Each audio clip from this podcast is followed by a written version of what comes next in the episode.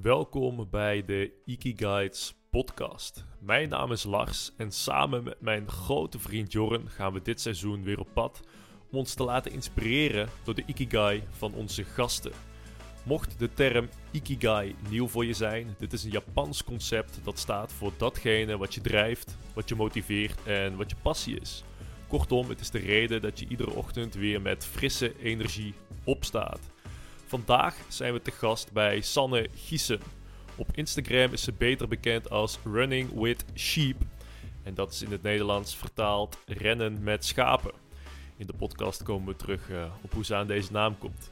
Sanne heeft te maken gehad met ernstige ziekte, waardoor ze op een gegeven moment zelfs bedgebonden is geraakt. Uh, en op een dag besloot ze, ondanks haar grote bedenkingen, met vrienden mee te gaan wildkamperen. En dit is het moment waar haar herverbinding met de natuur in een stroomversnelling is geraakt. En dat was tevens de oplossing voor, uh, voor haar huidige problemen. Inmiddels helpt ze anderen om deze verbinding uh, ook terug te vinden aan de hand van begeleidingstrajecten, maar ook haar online programma The Wild Route Guide. En ze woont op een off-grid terrein in het noorden van het land, waar Joon en ik een uitgebreide rondleiding hebben gehad langs de moestuinen, langs uh, de compostsystemen en het voedselbos. In dit voedselbos hebben we ook nog een uitgebreide wildpluktocht gedaan, waarbij we erachter kwamen dat je zo'n 75% van de planten op planeet Aarde kunt eten of kunt gebruiken in je voeding en gerechten. Uh, en dat deze vaak ook nog tal van helende en voedende eigenschappen hebben. Nou, enorm veel om over te praten dus.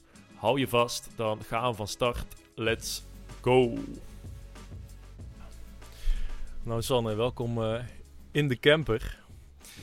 Hey, um, soms, ik volg je natuurlijk op Instagram en soms zie, zie ik uh, beelden voorbij komen. Dan slaap jij, uh, overnacht je in het bos.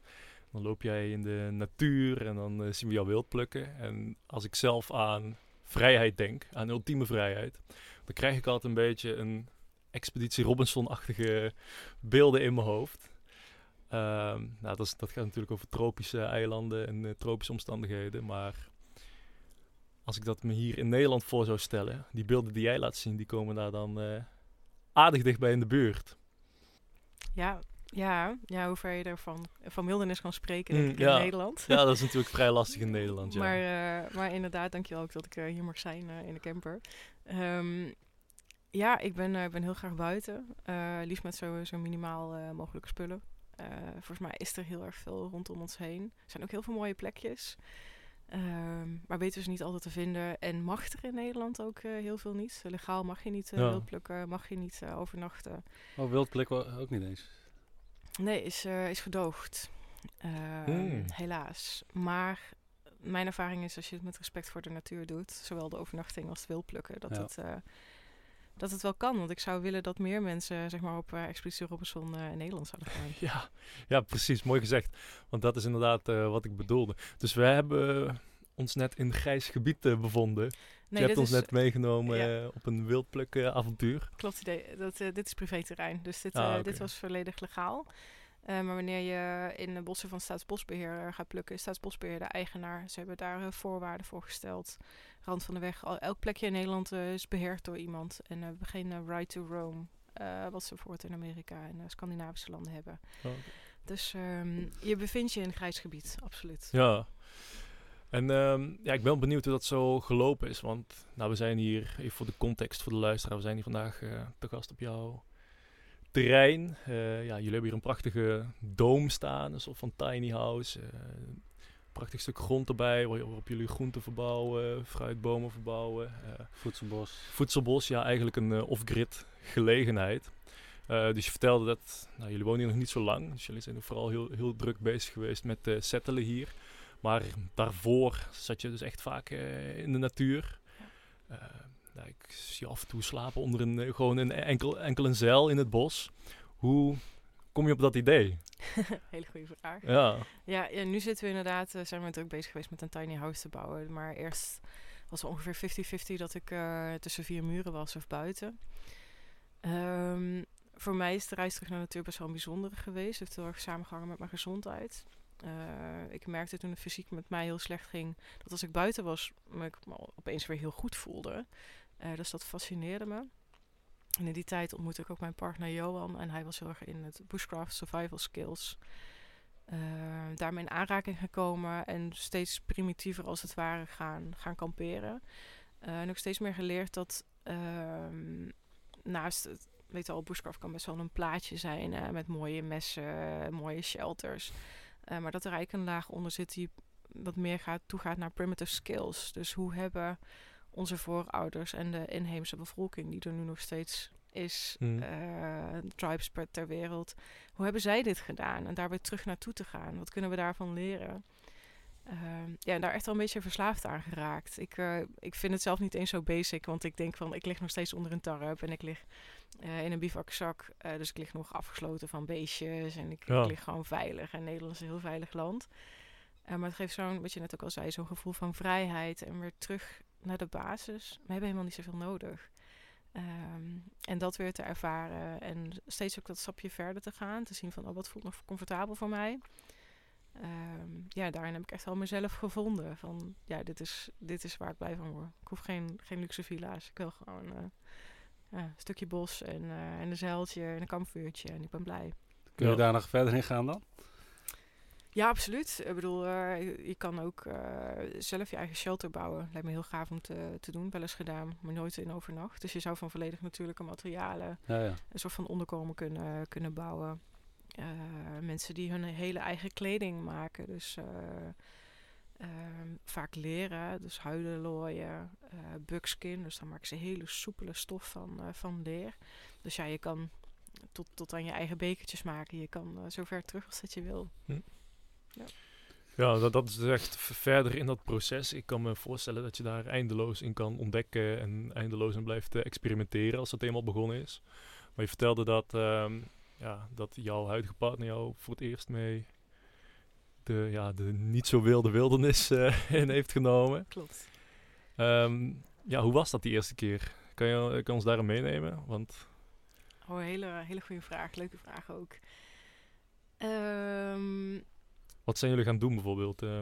Ja, precies. De... En stond je meteen open voor het idee dat hij dat wilde gaan doen? Ja, hij, we zijn elkaar kamperen tegengekomen. We zijn steeds meer terug naar de basic gegaan, want hij, hij deed dat zelf ook al. Um, ik ben er wel achter gekomen dat het een stuk is mindset en een stuk is gear. Um, dus je ziet heel veel mensen zeggen van, oh, ik zou dit nooit kunnen. Ik slaap het jaar rond uh, buiten. Ik zou dit nooit kunnen. Ik zou het ook niet kunnen zonder mijn goede slaapzak, want dan heb je hm. het gewoon veel te koud. Uh, dus dat is, één, dat is één stukje. Maar een ander stukje is ook mindset. Ik was bijvoorbeeld heel erg bang voor de kou. Ik was, uh, ben een aantal keer onder, twee keer onderkoeld geweest. Hmm. En ik was heel bang om dat weer te ervaren. Totdat ik ervaarde dat het, de kou niet iets is wat je gebeurt. Maar je hebt daar actief aandeel in. Je kan gaan bewegen, je kan vuur maken, je kan iets warms drinken. Um, dus de, de eerste keer, en ik denk ook wel het, het eerste jaar, is het een leerproces. En ga je steeds meer leren dat dat, dat het niet overkomt, maar dat je heel veel invloed hebt op bijvoorbeeld hoe warm je het hebt, hoe comfortabel je bent. Uh, dat je misschien een andere rugzak nodig hebt omdat deze rot zit. Um, ja, eigenlijk gewoon hoe je daarmee omgaat. Dus je leert steeds meer skills. Je leert jezelf ook gewoon steeds meer comfortabel voelen in, in de situatie. Dus het is absoluut een leerproces waar je ook even aan over moet geven. Want die eerste, ook nu nog, ik heb nog steeds nachten die gewoon oncomfortabel zijn. Hm.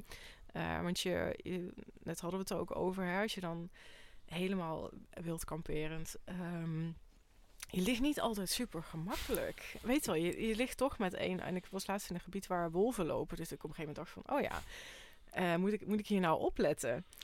Um, dus het, maar er, zitten, dit noemen ze ook wel type 2 fun. Uh, in, in Engeland is dat een bekende uitdrukking. Je hebt plezier en dan ben je gewoon lekker plezier aan maken. En soms is het ook wel gewoon plezier en dan ben je gewoon even iets aan het doorstaan. Je bent uh, in de winter aan het kamperen terwijl het hartstikke koud is. Je ligt in het ijswater. Je bent vuur aan het maken terwijl alles verregend is. Hm. Is dat in een moment leuk? Dat weet ik niet. Weet al, het is, het is een uitdaging. Mm -hmm. maar gewoon dat te ervaren, ja, dat is, dat is geweldig. Ja. Want hoe, hoe gaat zoiets dan? Jij, jij zit met je partner eh, misschien thuis en dan denk je, nou, waar kun je gaan wild slapen of, of bushcraften? Hoe, hoe vind je zoiets? Want ik, ik zou niet weten waar ik nu heen zou moeten gaan. En dan rij je daarheen naar het bos en dan ga je kijken van nou, wat past bij ons om te gaan slapen? Of ja. is er echt een grote voorbereiding? Of is het gewoon random ergens heen en kijken hoe je kunt redden met uh, elementen? Mm, zou alle twee kunnen. Uh, dat is net wat je wil. Ik heb gewoon een rugzak ingepakt. Dus daar zit alles in wat ik, uh, wat ik nodig heb. En als we dan zin hebben, dan gaan we op pad. We staan ook al vaker op uh, natuurkampeerterreinen. Dus dan is het een soort van legaal. Oh, ja. En anders ga je gewoon op pad en heb ik een, een rugtas met een tarp. Dus een soort van zeil waar ik onder kan liggen. Water, een set om vuur te maken, een mes waarmee je misschien wat takken kan snijden. Uh, dus dan heb ik alles al bij. En dan is het inderdaad van oké, um, zullen we gewoon gaan? Of gewoon een weekend van oké, nu gaan we lekker op pad. Um, en als je dan echt wil gaan wild kamperen, ja, dan moet je goed opletten. Want het mag dus eigenlijk niet. Uh, dus je moet het sowieso doen met veel, zoals het wel mag, uh, met veel respect voor de natuur. Dus waar kan het zonder dat je schade maakt? En helemaal nu is het lekker zomer. Nou, we zien het hier ook. Je gras tot, uh, staat, staat tot aan je oksels. Ja, waar kun je een beetje wegkruipen? Dus waar kun jij bijvoorbeeld, als het een beetje begint te schemeren, je, je, je, je onderkomen opzetten en kun je dan weer weg zijn voordat het, uh, voordat het ochtend is. Dat is wel een beetje de sport. En dieren? Want ik zie achter jou een haasje huppelen. Ja, ik dacht dat het een hond was. nee, het was wel een grote haas. Dat was een haas, ja. Maar, maar kom je dan als je dan stil ligt in je slaapzakje veel tegen? Of kun je dat bijna niet zien? Um, ja, dat is sowieso het mooie van de natuur. Ik denk dat we heel erg gewend zijn om door, ons door de natuur te bewegen... in plaats van dat we echt in de natuur zijn. En zelfs al ga je 20 minuten stilzitten in de natuur... dan ga je zien dat hazen naar je toe komen. Of als je geluk hebt, zoals een vos of een hert. Oh ja? Ja, dus dat is een mooie, mooie uitnodiging. Je wordt, um, dieren zijn heel erg gevoelig voor energie... en vooral ook de houding hè, waarmee we door de natuur bewegen. En als we heel erg gefocust zijn, dan voelen ze dat. Dus dan gaan bijvoorbeeld ook in de natuur gaan de vogels allemaal hun alarmen uh, luiden. En dan weet dat hert of die vos weet al dat jij daar aankomt. En Hmm. die denkt, nou, de groeten. Uh, dus het moment dat je... Ah, die, die boodschap die spelen de vogels eigenlijk al door. Ja, de vogels zijn het alarmsysteem uh, van, de, van de natuur. Dus zij hebben het al lang gehoord en daarmee weet, weet iedereen het. Maar hoe weet ze dan dat jij gevaar bent? Door je energie.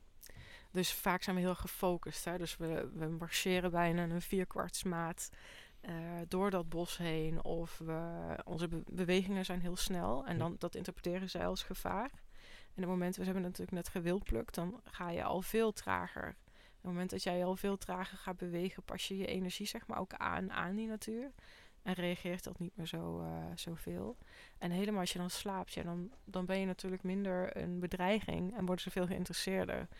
Dus um, ik heb een vosje naast mijn uh, tent gehad. En natuurlijk hazen en muizen en dat soort dingen.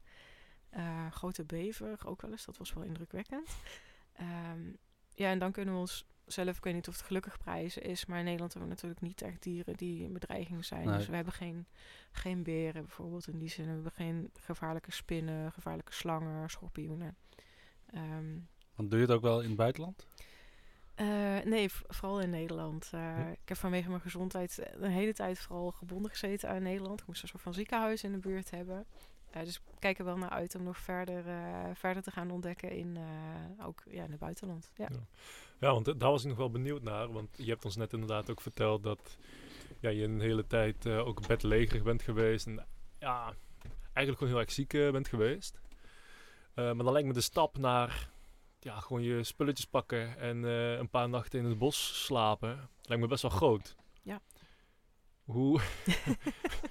waar, waar, waarom heb je daar toch voor gekozen voor die stap? Is dat gewoon puur uit, uit eigen interesse? Of denk je van ik doe eens gek? Of ik doe eens gek, er moet ja. een soort van beweegreden zijn uh, Ja, waar ik wel benieuwd naar ben. Um, ik merkte sowieso dat ik me in de natuur veel beter voelde. En als ik weer tussen vier muren zat, dat ik dacht van oeh, dat doet toch wel iets. Maar het is wel spannend geweest, want een tijd ging het gewoon heel slecht. En was het letterlijk zo dat wij... We zijn heel veel met de kano tegen de biesbos aan. Uh, dat we een motortje voor op die kano hadden. Dat stel het ging niet goed, ja, dan zou daar geen hulpdienst kunnen komen. Hmm. Dat we dan dus snel terug konden komen. Dus we hadden overal een soort van plan B. En nu kunnen we dat plan B loslaten. En kan ik met mijn rugzak Dremschiese woud in. Zonder, zonder daar ook maar nog een keer over na te denken. Maar in het begin was het wel van... Oké, okay, hoe komen we dus terug uh, als het niet gaat? Uh, en ook daarin ja, ben ik steeds meer kunnen doen. Dus ik kan nu veel langer wandelen, kanoën, dat soort dingen. Dus ik, ik Wat had je precies dan? Ik denk dat de luisteraars dat niet weten. Nee, dat denk ik ook niet. Of ja, misschien is het wel privé en wil je het niet delen. Nee, nee, nee, nee, zeker niet. Nee, want ik denk dat het juist iets is wat meer, misschien wel meer aandacht mag krijgen. Ik heb zelf een mestelactivatiestoornis. En dat lijkt een beetje op een auto-immuunziekte. Er zitten stofjes in je lichaam, histamine. Dat breekt mijn lijf niet af. Dat zit ook in voeding. Dat gaat niet zo goed. En bij mij was dat, uh, reageerde ik daar heel erg heftig op. zijn ze heel laat achtergekomen, waardoor ik echt wel schade had in mijn, mijn lichaam. Inderdaad, bij het leger een tijd ben geweest. Ik kon eigenlijk gewoon niks meer. Um, en ja, dat was een hele, hele zoektocht geweest van hoe, hoe kom ik weer terug naar gezondheid. En nu ben ik eigenlijk, ja, gewoon net als één ieder, wat dat dan ook mag, mag zijn. Dus het, voor mij gaat er nu een hm. nieuwe wereld voor me open. Ja, ja en die, die stap richting de natuur heeft je daar dus aardig in geholpen. Ja. Zo Zijn er concrete manieren waarvan je zegt van nou, dat waren echt breakthroughs op dat gebied? Mm. Die je in de natuur hebt gevonden? Ja, zeker weten. Ik denk dat daar heb ik ook mijn vak, uh, vak van gemaakt. Ja. Ik ben zelf achtergrond als psycholoog. Uh, en ik raakte er natuurlijk helemaal door gefascineerd. Want ik merkte gewoon uh, dat ik me veel rustiger voelde buiten. Dat ik minder pijn had. Uh, dat ik veel beter dingen in perspectief kon zien. Dus dat fascineerde me echt enorm. Uh, dus ook wel bewust naar op zoek gegaan van hoe kun je, hoe kun je dat nou eigenlijk? Hè? Is het zo simpel als gewoon naar buiten gaan en gaan zitten en, en komen dan die genezende krachten zeg maar als vanzelf? Ja. En een deel is dat hè, want zonlicht is supergoed voor je aarde. Dus in contact staan met het elektrisch veld van de aarde. Nou, we weten dat dat supergoed voor je is. Beweging die je dan krijgt. In bepaalde type bos heb je ook stofjes die bomen uitscheiden, hmm. uh, phytoncides, die het immuunsysteem uh, boosten. Dus ja. één nachtje buiten slapen is voor 30 dagen een geboost immuunsysteem. Dus al die kleine dingen maakt wel dat je, uh, vooral op fysiek level, maar ook mentaal level, behoorlijk wat voordelen uit de natuur kan halen. Ja. En waar ik door gefascineerd raakte is um, helemaal de, um, nou ik denk de, tribes die nog steeds over, over de aarde uh, heen lopen, die hebben eigenlijk nou over alle continenten hebben ze dezelfde soort practices waarmee ze verbinding maken met de natuur door er voor het antwoorden uit te halen. Dus Vision Quest uh, is, daar, is daar bijvoorbeeld een bekende van. Dus mensen die zich afzonderen, die echt een soort van meditatieve toestand die aarde ingaan, die, nou, die natuur ingaan om daar ja, inzichten te krijgen in hun levenspad of de toekomst van de stam. Uh, maar ook medicine walks, dus waar mensen hele grote afstanden in eenzaamheid gingen, gingen lopen. En daar, dat was echt hetgeen wat me, ehm, wat me ving. Van oké, wat, wat hebben we daar te halen? Moeten we wel al die kennis uit, uit boeken halen? Of is het vooral het ervaren, moeten we die stilte zeg maar op gaan zoeken? Ja. Dus die twee maakt dat ik zelf heel veel helderheid kreeg. En van, oh, volgens mij moet ik daar iets mee. Maar ook dus ervaren van, oh, het, het helpt ook echt mijn gezondheid en mijn, gewoon, mijn gehele welzijn ehm, te verbeteren. Precies. Maar, maar als ik goed begrepen, was, had je twintig jaar lang toch? Ja. Dus er is toch een hele periode voor dat je eigenlijk geen idee hebt waar je het moest zoeken. Klopt. Ik ben wel altijd veel buiten geweest. Ik heb een moeder en een opa die ook uh, van de paden af en, uh, en alle planten kenden. Uh, maar helemaal rond mijn um, vanaf mijn zestiende ging het heel erg slecht. Um, en ja, toen heb ik gewoon een tijd gehad dat het steeds, steeds slechter ging. Dat ik eigenlijk ook gewoon niet, niet meer zoveel kon. Um, en eigenlijk daarna, toen ik naar mijn pad terug naar gezondheid liep, dus heel erg gelijk met mijn pad terug naar de natuur. Maar ja, zeker ook zoeken en helemaal uh, ja, als puber. Ik denk dat veel mensen dat herkennen. Denk je, ja, ik ga toch, ik ga toch geen rondje lopen in het bos. Weet je wel. Nou ja, daar verbaas ik me over ons ook wel eens over. Maar, maar nog terugkomen op histamine, want um, ik denk dat ja, heel veel mensen dat interessant vinden. Want uh, ik heb zelf een keer een verhaal gedeeld over mijn histamine. Um, nou, acuut probleem eigenlijk. Wat ik mm. was het drie jaar geleden kreeg. En ik was toen in Oostenrijk en uh, ja, ik kon niet meer slapen in één keer. Terwijl ik eigenlijk niks, voor mijn gevoel niks had veranderd. Dus voor mij was het ook totaal uit de lucht uh, gevallen. op een gegeven moment zo wanhopig dat je toch naar de dokter gaat. En nou ja, bloedtest, et cetera, dan zegt hij uh, ja, niks te zien. Dus ja, ik denk dat het tussen je oren zit. Ik denk dat je depressief bent. Nou, ik zei het, ja, dat kan ik me bijna niet voorstellen dat dat het is. Want het is zo acuut in één keer. Ik kon altijd goed slapen en nu in één keer niet meer. En Ik had nog veel of ja, angstafvallen had ik bijvoorbeeld. En nog nooit gehad in mijn leven. En in één keer had ik dat. dus ja, zijn conclusie kon ik me niet echt in vinden. Ik vond ook dat hij mij heel makkelijk afscheepte. Terwijl hij ja, nooit over histamine of eten of iets dergelijks was begonnen. Hmm. Ehm, en aan de hand van dat verhaal die ik op Instagram deelde, kreeg ik superveel mensen die eigenlijk zich daarin herkenden. Maar mensen niet zo goed weten ja, waar ze naar kijken. Dus, uh, of waar ze naar moeten zoeken. Want het is heel breed. En het kan van alles zijn. Want uh, bij mij was het ook. Ik dacht, ja, ik heb niks aan mijn eten veranderd. En ik eet groentes en uh, salades. En dat had ik nog steeds. Dus ik dacht, nou, dat kan toch, dat zal het niet zijn. Nou, toen bleek toch dat ik het daar ook moest zoeken. Dus, dus um, ja, wat, wat, wat zouden die mensen... Ja, het is ja, moeilijk te zeggen misschien, maar hoe, hoe kom jij dan... Heeft iemand jou op dat pad gebracht van histamine? Of ben je er zelf achter gekomen, hoe dan ook? Of hoe Heb is het bij jou gedownload uh, uit de ja. Nee, was het maar zo'n feest. En voor mij is het 20 jaar, uh, is het 20 jaar zoeken geweest. Het is gelukkig een onderwerp wat steeds meer bekendheid krijgt. Hè? Want het is wel iets wat, uh, wat best wel veel mensen beïnvloedt. In meer of in mindere mate. En bij mij was het... Um, en destijds was ik, ik merkte inderdaad dat ik steeds als ik at, dat er iets gebeurde. Dus dat, eigenlijk ben ik dat gaan, gaan zoeken. Uh, voor mij kwam dat net op het juiste moment. Want er, ik had allerlei ontstekingen. Ik moest allemaal operaties ondergaan. Uh, en toen op een gegeven moment dus bij een diëtiste die zei... Nou, volgens mij zit er iets met dat histamine. Ze zegt, maar ik heb er eigenlijk geen verstand van. Maar misschien moet je geen vis meer eten, geen noten en geen sinaasappelsap. Goed, dat heb ik braaf gelaten. En er gebeurde eigenlijk, veranderde eigenlijk niks. Dus ik heb dat naast me neergelegd. En ik ben gewoon die riedel verder ingegaan. Um, en nou ja, eigenlijk nou ja, net voordat al die operaties en dergelijke op, op stapel stonden, dacht ik, ga toch nog heel even googelen. En toen kwam ik dus echt een ongelooflijk random lijst tegen van klachten waar ik ongeveer allemaal last van had. En ik denk dat dat ook het lastige is van Welke histamine. Waren dat? Uh, ik had uh, ontstekingen, paniekaanvallen, koortsaanvallen, uh, hartritmestoornissen, uh, mijn zicht wat af en toe troebel werd. Uh, tinteling in mijn handen. Het was, ik had ongelooflijk veel random pijnen, random zwellingen in mijn lijf. Ik kon niet meer goed lopen daardoor.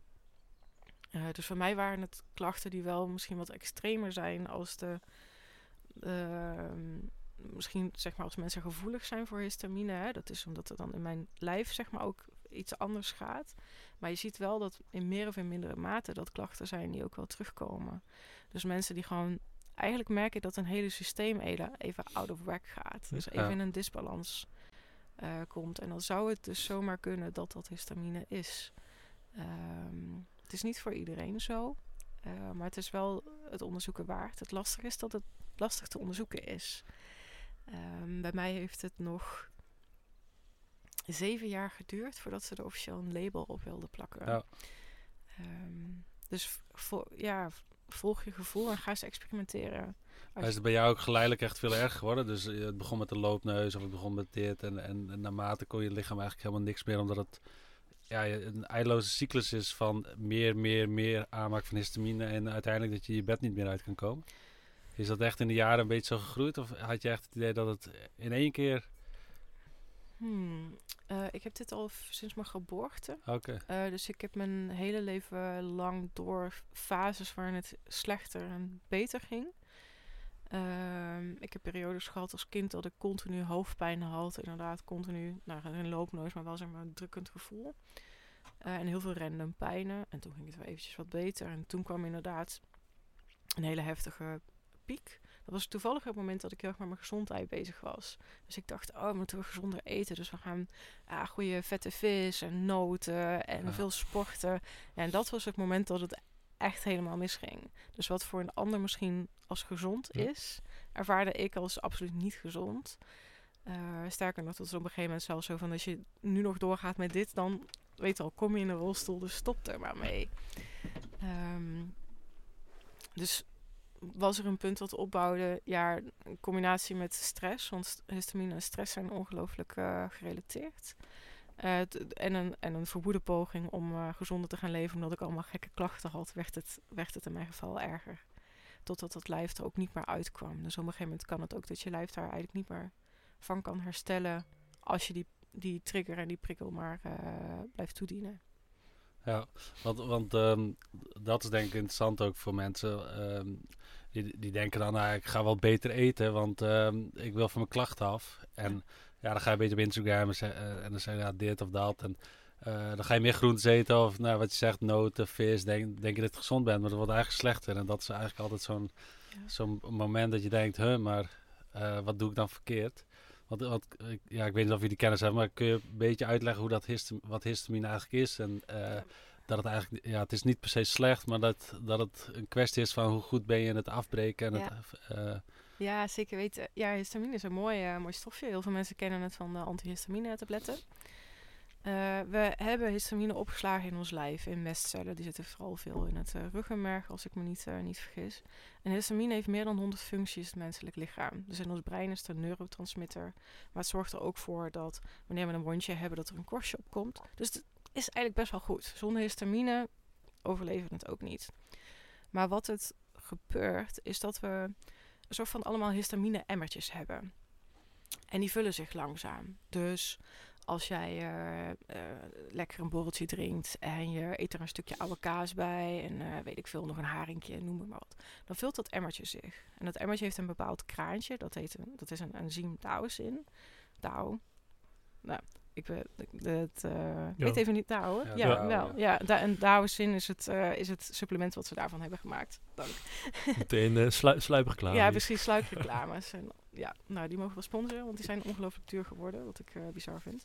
Um, uh, maar dat zorgt eigenlijk ervoor dat dat emmertje leeg kan lopen. Dat, dat gaat door je hele lichaam, is dat een bepaald proces. Maar dat is eigenlijk de grootste, uh, het grootste kraantje wat we hebben. Dus dat wordt weer afgebroken en dan wordt het uitgescheiden. en in sommige gevallen loopt dat emmertje te snel vol. dat kennen we, want mensen hebben het wel eens als vis bijvoorbeeld niet goed valt. Dan heeft de vis bijvoorbeeld te lang gelegen en is er te veel histamine opbouw. Nou, dat is dus wat mensen waarbij dat emmertje eigenlijk niet meer goed leegloopt. Is dat continu aan de hand. En dan voel je je continu zo van, ja, beetje ziekig. Uh, ja. Vaak. Um, bij, sommige, bij mij is dus zeg maar dat kraantje is stuk. En je hebt dus ook, maar dat is dan dus niet uh, histamine intolerantie gerelateerd, maar mestcel aandoening gerelateerd. Is dat die pakketjes waarmee die histamine opgeslagen ligt in je lichaam, die kunnen ook af en toe gewoon random vrijkomen. Uh, bijvoorbeeld met cardio, met massage, met temperatuurwisselingen. Uh, dus het zou kunnen, hè, dus als je daar gevoelig voor bent of je hebt meer mestcelachtige klachten, dat dat ook nog meespeelt. Dus dan is het echt een uh, staat het los zeg maar, van de voeding, maar heeft het ook dat het random vrijgemaakt wordt op momenten dat het eigenlijk niet, uh, niet zou horen. Ja, vandaar dat er eigenlijk soms geen pijl op te trekken is. Precies. Waar je klachten vandaan komen. Ja. ja. ja want ik deed vaak dan intermittent fasting en dan dacht ik in de ochtend, na zo'n slechte nacht, dacht ik in de ochtend, ah, ik denk dat ik er weer ben. En dan met de lunch of zo, salade of iets ergens. En in één keer was ik dan de rest van de dag gewoon kwijt, omdat ik gewoon naar de kloot ging. En, en elke keer denk ik, ik, ik, ik dacht dat ik er was in één keer. Dus je bent zo zoekende. Ja. Maar het is ook niet echt goed te testen. Uh, zeker omdat je niet weet waar je naar zoekt. En als de huisarts eigenlijk ook nooit daar naar kijkt of aan denkt. Ja, wie, ja bij mij was het toevallig dan, uh, nou daar ben jij vandaag geweest uh, Lars, bij de acupuncturist. Die zei direct, wow, je hele lichaam zit vol met histamine, daar moet je wat aan doen. Maar de huisarts die gaf antidepressiva mee naar huis en slaappillen.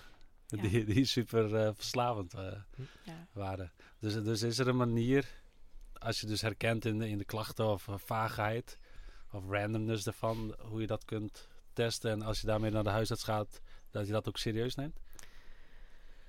Oeh, hele goede vraag. Ligt denk ik ook in je huisarts. Het is op dit moment nog steeds slecht te testen. Uh, volgens mij controleren ze een bepaald enzym in je bloed en moet dat dan op bepaalde momenten een bepaalde uitslag geven. Maar bij heel veel mensen is dat niet, terwijl die wel heftige klachten hebben. Uh, dus mijn tip zou zijn is, probeer je voeding. Dat zijn de knoppen waar je zelf aan kan draaien.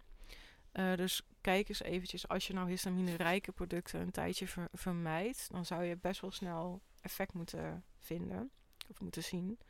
De enige maar daarbij is, is uh, het dieet is tegenovergesteld voor mensen die met hoge uh, adrine, adrenaline in hun lichaam zitten.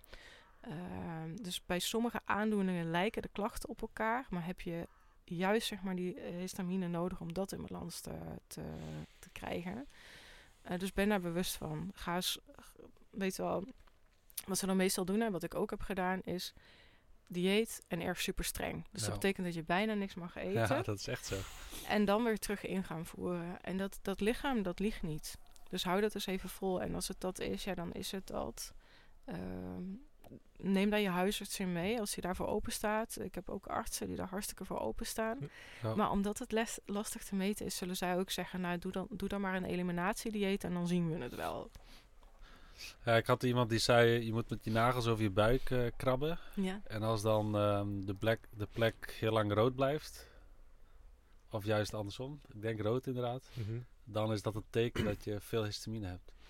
Oh. Dus als het snel weer naar zo'n originele ja. uh, kleur gaat, dan uh, dat het wel meevalt. Ik zal het eens testen. Ja, nou ja toen werkte dat wel voor mij. Dus ja, dat zou kunnen. Maar goed, je hebt natuurlijk ook hooikoorts wat ja, ik, ik merk dat nu zelf, dat mijn uh, laatste weken nu ook, dat mijn neus begint te lopen. Ja. Zit hij te snotteren achter uh, die microfoon? Ja. ja. Dat is natuurlijk ook heel lastig, hè? want histamine speelt in principe bij elke allergie een rol. Uh, dus in die zin is het daar heel erg mee verweven. Want waarschijnlijk, als jij nu gaat eten, ben je gevoeliger voor histamine. Omdat dat emmertje al meer hm. vol zit. Omdat dat continu aan het reageren is op, op pollen. Uh, en dat maakt het onnoemelijk complex. En met histamine zeggen ze ook wel vaak dat het combinaties zijn. Dus we zien dat het vaker voorkomt bij bepaalde andere aandoeningen. Waarbij we niet meer weten wat nou kip en ei is. Hmm. Ehm, Heb je voorbeelden van die aandoeningen? Uh, eh, MS, chronisch oh, okay. vermoeidheidssyndroom, Lyme. Um, dat zijn even de hmm. on top of mind. Ja, nee, dat is denk ik ook goed om rekening mee te houden. Zeker voor de mensen die nou luisteren en dan is al, allemaal lichtjes beginnen te branden. Want ik weet dat er ook ehm, juist voedingsmiddelen zijn en eventueel supplementen die je kunnen helpen bij het afbreken van histamine. Misschien dat we die dan ook meteen even kunnen delen. Ja, precies. De, daar hebben wij zelfs volgens mij nog ooit ook nog ooit contact over gehad via DM. En ik heb hem jou uh, ook gestuurd. Het ja. Hofman Instituut uh, in Amerika heeft een heel mooi uh, natuurlijk protocol. quercetine is een heel belangrijk. Hm? ja, die heb ik toen ook. ja, en uh, vitamine C, zink, vitamine D. Bromeline of zo Bromeline zit in hun team B. Dus die vinden ze wat minder effectief als bijvoorbeeld een groene thee. Uh, maar bromeline werkt inderdaad wel. Bij sommige mensen kan het wel weer triggeren. Dus dat is een... Uh... Ja, dat is dat stofje wat in ananas zit natuurlijk. Yes. je noemde ook groene thee. Ja. Oké, en is dat dan echt um, de echte groene thee of is het dan EC... GC? EC... Ja. Dus, dat zou je eventueel ook als supplement kunnen gebruiken. Maar als je van een kopje thee houdt, dan uh, kan je net zo goed meteen lekker een kopje thee drinken. Um, ja, ja er was er nog één, maar daar kom ik nu even niet op. Maar je hebt een aantal goede genoemd. Maar je noemde ook dieet. Misschien goed om bij te zeggen dat het dan om een uh, laag histamine dieet gaat. Of hoe, hoe heet dat dieet? Ja, ja. Dus als je googelt laag histamine dieet, dan krijg je lijsten met wat je even moet skippen. ik zou beter de app installeren, want uh, online uh, is het heel erg wisselend. Um, je ziet ook dat histamine is lastig. Want stel ik zou gaan zwemmen en ik zou wel zwemmend een vis weten te vangen en ik zou die opeten, is er niks aan de hand. Maar op het moment dat we die vis eruit halen, uh, dan gaat die histamine opbouwen. Dus stel je zit aan de kust, zou je, is de kans groter dat je gewoon vis kan eten dan als je niet aan de kust zit. Um, je hebt een hele mooie app. Die vind ik zelf beter dan de lijstjes. Dan kun je ook gewoon uh, zien. Uh, ik zal de app doorgeven, want ik heb geen idee hoe die, hoe die heet. Um, en daar kun je gewoon zien wat het histamine level is en of er nog andere stofjes zijn. Want voor het als er veel serotonine in zit, kan het weer histamine vrijmaken het histamine-arm en histamine-vrijmakers. Dus dat zijn... ja, ik vond het wel het meest complexe eh, dieet wat ik ooit gevolgd heb. Ook omdat je uh, gewend bent om eten in de koekjes te zetten. Dat niet alles opgaat, dus dan denk je, nou, eet ik morgen op. En dan is het een keer tien of zo. Ja. Ja. ja. Oké, interessant. Dus, uh, en nadat je dus dat onder de knie had eigenlijk, of ja, weer uit bed kon komen. Toen is je liefde voor de natuur nog meer gegroeid. Ja, klopt. En welk jaar hebben we het dan? Is dat uh, ik denk dat dat... Mm, is het al ver voordat je dit project begon hier? Ja, zeker weten. Ja, ik denk dat dat nu zo'n uh, acht of negen jaar geleden ja, is. Ja, ja. En, en, en wat zit er in die, uh, wat heb je in die periode gedaan tussen nou ja, dat je weer uit je bed kon komen en dat we nu hier op dit prachtige project zitten. Ja, precies. veel naar buiten, steeds meer naar buiten. Um, dus ik, nou ja, heel veel kamperen het jaar rond. Dat te ervaren van oké, hoe is dat in de winter, hoe is dat in de zomer. Um, steeds meer dingen gaan ontdekken. Dus gebruik van natuurlijke materialen om voor het vuur te maken. En maar ook wildpluk, wat we net hebben gedaan. Ja, ja daar gaan we het zo ook nog even over hebben. Ja, precies. dus dat, uh, dat zijn ook dingen waar, waar ik gewoon steeds meer mee kon. Dus ik kom bijvoorbeeld van dat ik uh, nou ja, vuur leren maken uh, met bijvoorbeeld een fire steel. op een gegeven moment kon ik ook een vuurboog gaan gebruiken, omdat die fysieke kracht er weer was. Dus dan ga je allerlei natuurlijke materialen verzamelen, daar vuur mee maken. Dus ik heb vooral ik heb op dat moment geen cursussen gedaan, want mijn energie, dat, dat piekte en dat daalde natuurlijk. Maar vooral zelf heel veel ervaren van, oké, hoe is het uh, om op, die, op, op zo'n manier vuur te maken, water te zuiveren, uh, veel wandelen, uh, gewoon heel veel buiten zijn. Hm. Ja, en ehm, ja, een paar jaar geleden, op een gegeven moment sliepen we dus eigenlijk elk weekend buiten. Het grootste deel van de tijd waren we buiten. Ehm, en nu zijn we hier op een uh, nou, off-grid uh, terrein een huis gaan bouwen. Dus nu is het uh, leven in een soort van buiten. Maar we kamperen niet meer zo heel veel. Toevallig afgelopen weekend. Dus ik mis dat dan wel. Dat je denkt van, oh ja, ik wil gewoon weer, als dadelijk het huis af is, lekker weer onder dat tarpje slapen. Ja, ja. Want je, je was ook werkzaam in psychologie, zei je? Of heb je gestudeerd? Ja, ik heb in psychologie gestudeerd.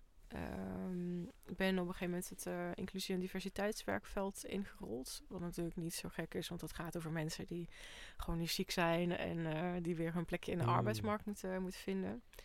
Um, ik heb daar bij verschillende bedrijven dat eigenlijk opgezet. Van hoe, hoe doe je dit nu als bedrijf zijn? Op een gegeven moment ook nog een stukje als consultant gewerkt. En op een gegeven moment was ik daar klaar mee. eigen bedrijf opgericht. en, me helemaal gaan verdiepen in natuurcoaching. Um, bospaden, wildplukken, primitive skills. En uh, mag dat nu mijn werk noemen? Ja, want je Instagram heet uh, Rennen met schapen. Ja. Hoe is, hoe is dat gekomen dan? Oh, dat is, uh, dat is wel een goede vraag, ja. Ja, ja dat is wel Rennen met schapen, ja, precies. Um, ja, in het Engels dan, dat klinkt ja, ja, iets beter. Dat, dit was ergens een soort van woordgrapje in plaats van Dances with Rules, Running with Sheep. Hmm. Um, dus dat is wel mooi. Mijn, uh, mijn broertje noemde me altijd schaap. Dus uh, het was een soort van... dat was een mooie, uh, mooie reminder. Maar waarom dan? Ik noem hem aap, hij noemt me schaap. Ik heb geen idee. Okay. Bro broeder, broeder, zuster, ja, liefde. Ja. Maar maar um, wat doe je daarmee dan? Met, dat is jouw eigen bedrijf in ja, dus ik, um, nou, dit account is dus ontstaan eigenlijk toen ik zelf naar buiten ging en dat, dat proces ook wilde delen, mensen ook daarmee wilde inspireren. Uh, mijn bedrijf heet The Wild Roots Guide uh, en daarmee mag ik mensen mee naar buiten nemen. Um, en eigenlijk weer te ervaren van hoe, hoe is dat nu? Dus wat gebeurt er als we naar buiten gaan en we, we nemen al die prikkels weg? Wat voor processen zet dat gaande hè, in je? Uh, stilte kan bijvoorbeeld best wel confronterend zijn. Ja. Uh, maar natuur kan ook echt een, een ongelofelijke support zijn als je gaat leren hoe je daarmee um, kan verbinden. Dus die stilte kan omarmen. Maar ook kan gaan reflecteren op dingen die er dan bijvoorbeeld in je leven spelen. Dus net noemde ik al bijvoorbeeld die vision quest en die medicine walks. Hmm. Kunnen wij ook doen. Dat hoeft niet te gaan over hoe redden we onze stam van de, van de hongersnood. Maar het kan ook gaan over, hé, hey, wat wil ik nou eigenlijk in mijn leven? En je ziet eigenlijk dat wanneer je daarmee naar buiten gaat, uh, dat er dingen gebeuren in dat zenuwstelsel, dat er dingen bij ons fysiek gebeuren, waardoor die processen gewoon veel sneller gaan. Als psycholoog kletste ik misschien twee uur met mensen, kwamen niet tot de kern. Nu wandel ik een half uur met mensen of geef ik ze opdracht om met, uh, met hun vraagstukken buiten te gaan wandelen en bespreken we dat digitaal. En gaat veel sneller. Ja, bijzonder is dat, want ik ben blij dat we daar nog op terugkomen. Want je had het net inderdaad al over die uh, Fisher Quest. Fishing Quest. Fishing Quest. En um, dat andere. Ja. Um, of wat? Mensen Walk, ja. Mensen Walk, ja. En toen was ik ook al benieuwd, want ja, ik wist natuurlijk dat je ook mensen begeleidt uh, en meeneemt in de natuur. Ik ben heel benieuwd wat je dan ziet gebeuren bij die mensen zodra je ze meeneemt in de natuur. En zeker ik weet niet of je er ervaring mee hebt, maar zeker als je voor langere tijd meeneemt in de hmm. natuur. Ja. Um, dat is een heel bijzonder proces. Want bij de meeste mensen zie je op het eerste moment een worsteling. Van, oh, uh, oké. Okay. Uh, zie je een soort van ongeduld, hè? Van, oh, klok. En uh, moeten we ergens thuis? En waar gaan we naartoe? Ehm, en dan helpt het als je iemand naast je hebt staan. Want ik begeleid dan gewoon iemand in, in dat proces van... oké, ga maar... Vaak is het gewoon de uitnodiging. Ga maar zitten, ga eens observeren. Ga dit eens observeren. En dat is heel erg mooi, want er is altijd een bepaald punt... en dan zie je gewoon de rust. Dan gaan mensen van dat gestrest op een horloge kijken... zie je ze echt zakken in van... oké, nou ben ik ontspannen. Hm. En dan kunnen we aan de slag. Dus dan kun je ook echt laagjes gaan afbellen. Ehm, je kan gaan reflecteren op dingen waar je mee bezig bent. Ehm, maar misschien ook gewoon eventjes te zijn. En in die rust. Ja, precies. Ik denk, want dat herken ik ook heel erg bij mezelf. Als ik echt in dat dagelijkse stramien zit. Ja. Je bent constant bezig met uh, ja, wat er in de toekomst gaat gebeuren. Eigenlijk. Je bent constant bezig met je dag plannen. Uh, Of je, je, bent aan het werk de hele tijd zware belasting van, van je brein. En wat ik me heel erg voor kan stellen en wat ik zelf ook ervaar als ik ook maar een half uurtje in de natuur ga lopen, is het duurt even, maar dat malen van, van dat brein en die, die aanknop, die, die switch terug naar. Ja, eh, het is niet helemaal uit, maar het is meer een soort van ontvankelijkere stand. Dus je, ja, je komt op een veel andere golflengte te liggen. En ik denk dat je daarin uh, veel meer open staat voor andere prikkels, maar ook andere gedachteprocessen. Misschien, Klopt. misschien dat het verwerken van bepaalde emoties waar je anders uh, niet toe in staat bent. Ja. Dus ja, vandaar dat ik benieuwd was of jij ja, of dat ook echt terugzag ja. in dat soort... Uh... Mooie reflectie ook. Hè? We weten dat, um, dat het zenuwstelsel veel beter reguleert als we in de natuur zijn. Hm. En dan zeg je zo van, ja, dat, dat is natuurlijk logisch, want Vroeger waren we afhankelijk van die natuur. Dus als we dan die groene plekken rondom ons heen hadden, dan kon, konden we ook ontspannen. En je ziet ook dat in de natuur mensen naar andere uh, hersengolven toe gaan. Dus in plaats van dat mensen echt in die high beta zitten, ga je naar veel ontspannere hersengolven. Waardoor je dingen helderder ziet, maar we ook creatiever worden. En Einstein is daar een hele bekend voorbeeld van. Als hij het niet meer wist, ging hij naar buiten. En dan kwamen de antwoorden wel. Wat je zegt, je wordt ontvankelijker, je wordt creatiever. Uh, je maakt gewoon letterlijk ruimte voor hetgeen wat is, zonder dat je er daadwerkelijk invloed op wil uitoefenen. Ja, en dan ontstaan in een, echt met ongelooflijk veel gemak ontstaan er hele mooie dingen. Ja, ik ben wel benieuwd hoe, hoe of nou, wat voor type, want als ze via jouw Instagram komen, dan zien ze natuurlijk heel veel natuur, dat zien ze al. Uh, zijn het dan ook met name mensen die ook al in de natuur zitten? Of kan het ook zijn dat, het, dat iemand uh, die, met een kantoorbaan die eigenlijk ja, in dat nou ja, concrete jungle uh, zit, zeg maar, dat die ook bij jou komen en dat jij ze echt weer leert om ja, de groene jungle ook te, te zien en te gebruiken? Zijn die, komen die ook bij jou? Ja, beide. Maar het zijn wel altijd mensen die op de een of andere manier iets met de natuur hebben, want anders komen ze denk ik bij andere mensen terecht. Hmm. Dus mensen die wel daartoe geroepen worden, die denken van, oh, ja, het doet me wel iets of ik wil daar iets mee. Uh, maar het is heel uiteenlopend. Vaak zijn het juist mensen die veel binnen zitten en die denken, ja, dit voelt ook niet helemaal goed. Wat, wat is er nog meer? En die inderdaad meer die, die groene jungle uh, willen gaan ontdekken. Ja. ja, ik dacht misschien wordt het ook doorverwezen vanuit de reguliere zorg of zo. Dat ze denken, hé, hey, je hebt goede resultaten. Of hey, uh, volgens mij in Japan heb je forest bathing. Ja. Hoe heet dat? Ja, de naam. Uh, forest bathing. Ja, maar je hebt Ikigai en je hebt... Uh, Shinran Yoku. Hoe heet het? Shinran Yoku. Ja, dat het echt... ik, ik meende dat in, vanuit Nederland ook dat een tijdje dat je naar Zwitserland kon. Voor volgens mij ook nog verzekerd dat je daar bergtherapie kon doen of zo. Of in ieder geval in de natuur kon zijn.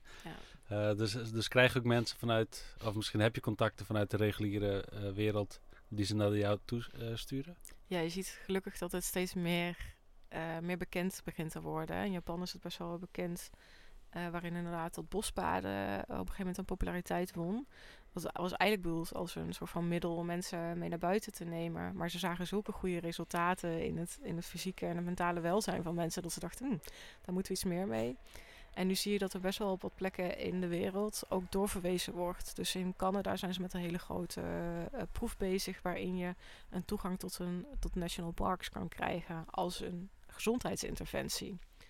In Nederland is dat wat minder. Uh, we lopen daarin wat achter, wat wel vaker is. Maar je ziet wel steeds meer reguliere artsen die dit aanraden, maar dan nog niet zo goed de professionals weten te vinden. Dus vanuit zeg maar natuurcoaches en ook vanuit de bosbadenhoek wordt daar wel heel veel aandacht aan besteed. Okay. Uh, eh, ik geloof er zelf in dat door gewoon een goede ervaring te delen, dat mensen wel naar me toe komen. Dus het is niet dat ik proactief met een reguliere gezondheid um, contact probeer te zoeken. Wat voor mij wel helpt, is dat ik heb een achtergrond in de psychologie. Ik mag bepaalde therapieën geven. Ja. Uh, dus dat dat dan wat comfortabeler is. En dat wel in het werkveld, als bijvoorbeeld mensen ehm, heel erg vastlopen of met bepaalde ook um, misschien wat meer ziektebeeldachtige zaken komen, dat ze dan door worden gestuurd naar mij. Omdat ik in gesprekken kan, beide kan combineren. Uh, dat is dan niet vergoed door een verzekeraar. Um, maar wel met, met resultaat. En ik denk dat dat is wat telt. Maar is dat dan omdat jij niet, of nou misschien wel, dat, dat je moet laten zien van hé, hey, iemand is van A naar B, dus ehm, dat zou in aanmerking moeten komen voor vergoeding of zo? Of is, dat, is, is het te ja, hmm. slecht meetbaar of iemand vooruit gaat? Oh, ik zou sowieso uh, nooit een resultaatverplichting aan een beloning uh, hangen, ook niet met een verzekeraar. um, maar uh, met protocollen die vergoed worden, zijn protocollen. Dus we vervolgen een uh, therapievorm van A tot Z. En we doen deze interventie, naar deze interventie, naar deze interventie. We zetten dit in als dit zich voordient. Dat wil ik loslaten. Ik wil er niet aan zijn. Als, als iemand als ik met iemand buiten ben en ik zie dat iemand behoefte heeft om gewoon een uur lang te gaan zitten te koprollen, bij wijze van spreken, of een dutje te doen, dan wil ik dat doen zonder uit te hoeven leggen aan de verzekeraar dat dat was, was wat nodig was. Ja, ja toen, toen wij zo net door je voedselbos uh, liepen, toen dacht ik ook echt van, wow, als, als meer mensen dit gaan weten, dan ja, zie je straks alleen maar mensen uh, dingen plukken en, en blijft er niks meer staan. Dan, hebben we Nederland binnen de nood hem leeggeroofd omdat je eigenlijk bij elke plant of boom kun je eigenlijk zeggen, nou, oh, dit is, uh, dit is hetzelfde als een aspirine. Of dit helpt bij botbreuken. Of dit helpt bij uh, ontstekingen. Zo. Als, je, als je zo kijkt naar alles om je heen. Um, ja, als mensen dat of het grote publiek gaat bereiken. Maar is dat zo, denk je? Want ja, misschien als je in, in drukkere steden, als mensen daar ook in de kleine beetjes natuur die daar zijn gaan plukken, dat dan alles kaal raakt. Maar ik denk juist dat op dat gebied de natuur zo'n grote overvloed aan. Ja, Sanne vertelde het net, dan kunnen we langzaam de shift maken naar het thema ja. wildplukken. Dat 75% van de planten uh, eetbaar zijn voor mensen. En dan ook nog allerlei specifieke uh, nutriënten bij zich dragen, helende eigenschappen hebben. Ja, ik doel, het doelde ook niet per se op dat het, um, dat het dan leeg uh, raakt. Maar, hm. of dat, uh, dat de natuur niet in overvloed is, maar meer... Dat het een gevaar is voor... Nou, dat mensen eigenlijk uh, alles, alles naar zich toe trekken. Want die denken, wow, dit wil ik in huis hebben, dit. En, en, en, ja. Net ja, jij met je ja, paardenbloemen. Nou ja, ik, ja, precies. Ik liep er ook doorheen. Ik dacht, oh, dit wil ik ook. Nou, dit, Drie kilo dit, paardenbloemen geplukt. Ja, je wordt er zelf een beetje hebberig van, denk ik. Um. Dus het gaat om de mindset, hè. En ik, ik geloof echt wel dat wildplukken manier kan zijn hoe we weer terug kunnen naar, die natuur. Omdat je, je moet wel, net, uh, we stonden buiten en je ziet al meteen iets over het landschap. Je ziet iets over het seizoen. Je ziet iets over het weer. Dat zijn allemaal dingen die ons laten verbinden met die natuur. Um, maar wanneer we het gaan leegoven, ja, natuurlijk gaan we dat dan zien. Maar wanneer je denkt van, hé, hey, ik moet me heel erg bewust zijn, want ik wil dit vandaag plukken, maar ik wil het ook nog over een jaar kunnen plukken. En ik wil ook dat mijn buurman hiervan kan genieten. En oh ja, we hebben ook nog herten en hazen die hier ook van eten. Dan ga je veel anders kijken. En mijn hoop is dat we dan steeds meer teruggaan naar echt het samenleven met de natuur. Dus dat we het beter gaan maken in plaats van dat we het kaal plukken. Maar in onze snelle, snelle maatschappij, waarin we denken: oké, even lekker, lekker cashje. Uh, ja, dan plukken we het hm. kaal. En dan hebben we niks meer. Ik denk dat dat juist het mooie is van zo'n voedselbos in je achtertuin. Uh, ja, het is zo dichtbij. Je gaat er zelf naartoe. Je kan zelf gaan plukken en je ziet zelf de, de consequenties. En nu, je haalt alles uit de supermarkt en aan de andere kant van de wereld wordt uh, het Amazonewoud uh, ja. omvergehaald. ja, het is zo ver weg dat het... je, hebt, je hebt er geen fysieke connectie mee. En dan denk je van ja, het zal wel. Maar juist als het in je achtertuin gebeurt, ik denk dat dat een hele mooie tool is om uh, ja, die, die stap terug naar de natuur te maken. Klopt. Ja, je krijgt echt een relatie dan met, je, met de natuur om je heen. Hè? En vanuit die relatie ontstaat er bescherming. Want als jij ziet dat, uh, dat iedereen een bepaald stukje in jouw wijk bijvoorbeeld kaal plukt, terwijl dat is je favoriete bloem of je favoriete plant die je ook graag eet, ja, dan denk je, uh, nee. Terwijl we, als we inderdaad hele nou ja, tropisch regenwouden kappen, omdat we daar bepaalde gewassen neer willen zetten of hardhout willen, vandaan willen halen, dan denk je, nou, dat is ver van ons bed, dat kan wel leiden. Dus daarin is het echt ongelooflijk belangrijk dat we ook in ons ook juist in de supermarkt denken: heb ik dit nodig? Heb ik zoveel nodig? Of kan ik ook andere keuzes maken? Je hebt daar een heel mooie TED-talk van van Robin Wall Kimmerer. Zij heeft een boek geschreven, Braiding Sweetgrass.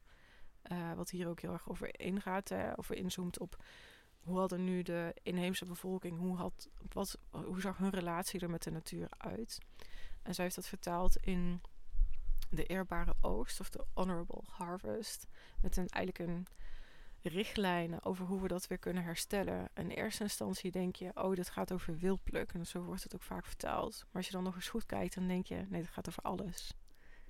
Uh, gaat over hoe we in de supermarkt met elkaar omgaan. Dit gaat over als we op een verjaardag zitten en het laatste stukje taart pakken. Um, en dan komen we terug naar de basis. Want dan gaan we bij elke stap die we zetten, gaan we nadenken over onze impact. En volgens mij is dat nodig, want het gaat niet goed met de aarde, het gaat niet goed met ons. Hm. We zijn vergeten dat het een één ecosysteem is. Dus als we gif in het, op het veld van de buren pompen, dan betekent dat dat wij dat inademen en dat wij dat opeten. Dus daar zullen we naar terug mogen. En wildplukken is een prachtig mooi vingerspel om dat te oefenen. Ja, ja ik, ik denk ook dat uh, het schaarste model natuurlijk supergoed werkt voor de economie. Dat dat ook vanaf jongs af aan een beetje erin... Uh, Ehm, nou ja, gestampt niet, maar dat, dat je daarmee opgroeit van uh, ja, schaarste. Terwijl we in Nederland wonen, dat is eigenlijk al wel gek. Maar ja, jullie hebben uh, de naam voor het voedselbos. Um, ik weet niet of het in het Fries stond. Kon jij het lezen? Oh, dat is mij niet opgevallen, dus oh. ik denk dat het Fries was. Ja, ja. het is oervloed. Overvloed heet het. Ja, ah, okay. oervloed. Dus het is een combinatie van oer en vloed. En het betekent twee dingen. Overvloed, maar ook oervloed. Want het is gebouwd op wat vroeger de Middelzee was. Dus dit was zee. Uh, maar inderdaad, die overvloed die zit er wel in. Want dat zie je daar. Hè? Je ziet dat we aan de ene kant heel erg hard proberen om een soort van traditioneel, meer traditioneel uh, permacultuur moestuin uh, vorm te geven. Maar dat dat voedselbos, dat dat overvloed is. En niet alleen voor ons, maar ook voor de vogels, de insecten, de amfibieën, de dieren die daarin leven. Ja. Ja, dat, dat is ook iets nieuws wat ik geleerd heb. Of nou, ja, nooit bij stilstaan. Want ik kwam er vroeger altijd langs. Maar nu jij zegt, van, ja, het was vroeger C, had, heb ik daar nooit echt bij stilgestaan. Ja. Hoe, hoe ver spreken we dan terug eigenlijk? Dat zou ik ook niet, uh, niet weten. Nee, dat is wel al even. Maar je ziet het wel nog steeds in de grond. Dus uh, er zit dikke kleilaag. Hm. En we hebben hier bijvoorbeeld duindoorn op het terrein groeien. Wat uh, normaal aan de kust groeit. Waarvan we dus verbaasd waren dat het het deed. Totdat we na gingen denken van... Oh ja, het was natuurlijk ooit zee geweest. Dus daar, blijven nog wel onderdelen, sporen van die zee uh, terug te zien. En ook in het landschap. Um, dus hier hebben we een aantal um, uh, zee, de oude zeedijken gelopen. En dat is echt al heel erg lang geleden, maar dat is nog te zien in het landschap. Voor wie daar ook voor heeft. Hm. Ja, want uh, we stonden denk ik nog geen vijf minuten in het voedselbos. En toen vertelde je meteen al iets super interessants. dat de grond hier ja, vrij plat gestampt is geweest. En dat de natuur meteen zijn best doet om weer die grond weer luchtiger te krijgen. Of meer leven in die grond te krijgen door daar specifieke plantsoorten te laten groeien. Dus er groeide bijvoorbeeld weegbrei. Was het volgens mij weegbrei? Uh, volgens mij zagen we vooral zuring. Maar weegbrei groeide er ook, ja. um, en ja, die heeft dan hele diepe wortels. Ja. Waardoor het de grond weer, uh, weer opentrekt. En dat, ja. dat is dus een soort van zelfregulerend wat dat betreft hetzelfde als ons lichaam. Daar weten jullie natuurlijk alles van. Dat lijf of de natuur is continu bezig om balans te herstellen. Dus als er iets gebeurt, dan wil het de balans herstellen. En dat is de continue dans, zeg maar, die het, die het gaande is. Um, en dat zie je ook in het landschap. Dus Ehm, dit zijn oude, uh, oude landbouwgronden, oud mais, uh, maisveld. En als iets slopend is voor die grond, dan is het oud maisveld. dus die, dat was aangestampt door grote machines. Die, hmm. die tractoren worden steeds zwaarder. En die, nou, dan groeien er volgens geen, dan kunnen er eigenlijk geen wormen voor het meer inleven. Dus dat hele bodemleven wordt echt letterlijk kapot gedrukt. En wat je dus ziet op plekken die kapot gereden zijn, is dat daar inderdaad de plantenzorg te komen met diepe wortels die die, die, die grond weer openbreken. En als je dan ziet weer een stapje verder, dan zie je dat er planten gaan groeien die de bodem gaan bedekken, omdat dan vaak ook die bodem wat kaal is en eigenlijk te droog is. Dus dan gaan er weer zaken groeien die die bodem bedekken. Uh, dus zo is het eigenlijk een continu spel van oké, wat, wat gebeurt er in de natuur en hoe, kun, hoe kunnen we die, die balans weer terugkrijgen? En je ziet dat zelfs, we, we zijn natuurlijk gebouwd hè, op, om te leven in die natuur. Dus als je kijkt naar wanneer welke planten groeien, dan zie je dat het heel goed aansluit bij hetgeen wat we op dat moment nodig hebben. Dus in de vroege voorjaren, wanneer we een beetje uit die winterslaap komen, dan zie je dat er heel veel planten groeien die uh, bijvoorbeeld ons lymfestelsel weer op gang brengen. Die echt dat ontgiftingsproces uh, ja, eigenlijk aanmoedigen in ons lichaam. Terwijl als je dan kijkt naar een najaar en een winter, dan zijn het veel meer de koolhydraatrijke wortels die dan geoost kunnen worden. Dus die natuur en daarmee ons lijf en dat samenspel zit zo slim in elkaar en zoekt continu naar balans en dat samenspel om optimale gezondheid te creëren. Ja, ja het past perfect in, in elkaar als je de natuur zijn gang laat gaan. Daar, ja, daar, daar lijkt het gewoon weer op. Uh, Zeker aan de hand van die rondleiding die ons gaf. Ik heb uh, volgens mij ook een keer gehoord of gelezen dat, ik weet niet of het schapen waren of koeien, dat zodra die ook met rust worden gelaten, dus op een natuurlijke manier uh, kunnen leven, gewoon kunnen grazen, dat die zelfs weten wanneer ze specifieke kruiden moeten grazen om bepaalde kwaaltjes of pijntjes tegen te gaan. Kan je dat uh, bevestigen? Ja, dat zijn koeien inderdaad. Koeien, ja. Uh, in Nederland, uh, schapen is een ander verhaal. Schapen hebben we heel ver doorgefokt. Dus die, ik, daar ken ik niet de verhalen zozeer van alleen maar dat het af en toe tot soort problemen leidt. Ik ben benieuwd als er schaapherders luisteren die een heel ander verhaal hebben, dan hoor ik dat graag. Ja, maar de comments. ja, precies. Koeien die, ehm, die, we hebben natuurlijk best wel veel begrazing. En dan worden koeien gewoon een aantal jaren ook buiten gelaten. Er wordt alleen af en toe gecheckt. En dan zie je dat die koeien voortaan wil gaan eten als ze specifieke klachten hebben. Maar je ziet ook dat koeien nesten bouwen. Ik wist niet dat koeien Serieus? nesten bouwen, maar koeien bouwen een soort van nesten op de bodem met haar en takjes. Het is heel erg mooi. Maar je ziet ook dat zij dan dus weer gaan eten wat ze op dat moment nodig hebben. En je ziet ook, en gelukkig groeit dat besef steeds meer. We zitten hier achter op uh, velden van een universiteit die met gas experimenteert. Maar zij komen ook steeds meer tot de ontdekking dat Engels raaigas, dat dat wel voor goede melk zorgt, maar niet zo goed voor goede, gezonde koeien. Hmm. En dat we die kruidachtige nodig hebben, ook voor die koeien, voor die optimale gezondheid. En dan wordt dat hier wel geperst en hooibalen, maar zit er in ieder geval in. Maar in de natuur eet gewoon, een beestje eet gewoon wat het nodig heeft. En nou ja, hopelijk leren wij dat ook weer. Ja, precies. En, en weet dus ook blijkbaar precies wat het nodig heeft en waar het te vinden is, mits het in tune uh, kan zijn met de natuur. Ja. En nou ja, wat je dan ook al terecht zegt, uh, misschien dat wij, wij er op een dag ook weer achter komen. Maar zou het kunnen zijn dat, als we dan even heel ver teruggaan, of misschien kijken naar uh, stammen of bevolkingsgroepen die nog redelijk volgens traditionele leefwijze leven, bijvoorbeeld in, in het Amazonegebied of andere natuurrijke gebieden zou het kunnen dat ja, wij van oudsher ook een soort instinctief aanvoelen als een plant zien. Uh, dat we denken van, oh, eh, die kunnen we daarvoor gebruiken. Want ja, je had natuurlijk een mooi eh, boekje bij je, waarin dan 200, 300 verschillende soorten planten en kruiden staan die je in Nederland kan plukken en gebruiken. En dan staat er mooi bij wat het voor je kan betekenen. Maar zou dat ook een soort van instinct kunnen zijn wat wij misschien verloren zijn? Hmm dat is een, vraag waar ik, ja, dat is een vraag waar ik zelf ook wel vaak over nadenk. Van wist, wisten we dit of hebben we dit uit over, overdragingen? En dan denk ik altijd voor me dat dan oma een besje moest eten waarvan niemand precies wist wat het deed. Ja. Um, ik, of het is één grote trial en error. of het is misschien toch zo'n download uh, uit de natuur. Van toen er nog allemaal geen prikkels waren en we de hele dag onder bomen zaten. Precies. Ik, ik geloof zelf dat het, en dat, dat weet ik niet, hè, dus dat is puur gebaseerd op mijn, mijn gevoel, dus uh, The World According to Me. Hmm. Um, maar ik denk dat we heel veel over hebben gekregen uit overdragingen. En dat er natuurlijk moet ergens de eerste mensen iets hebben geëxperimenteerd. En ik ben heel benieuwd hoe dat met uh, nou ja, psychedelische paddenstoelen is gegaan. Die verhalen die, uh, die hopen we nog wel ooit te horen.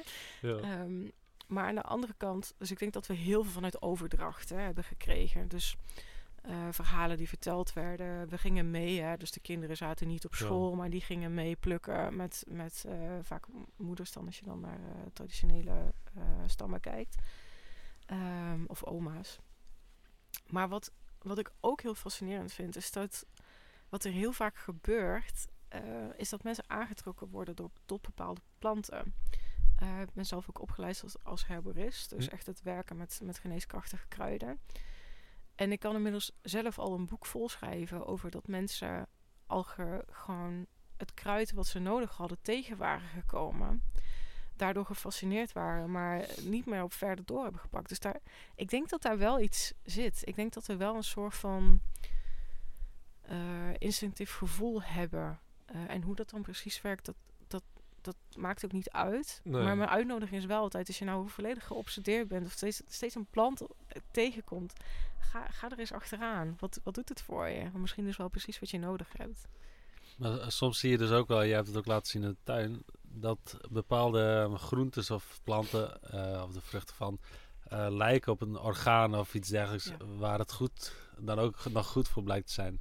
Dus ik heb wel, volgens mij, nee, jij had het over longen, geloof ik, welke planten? bij de vlier.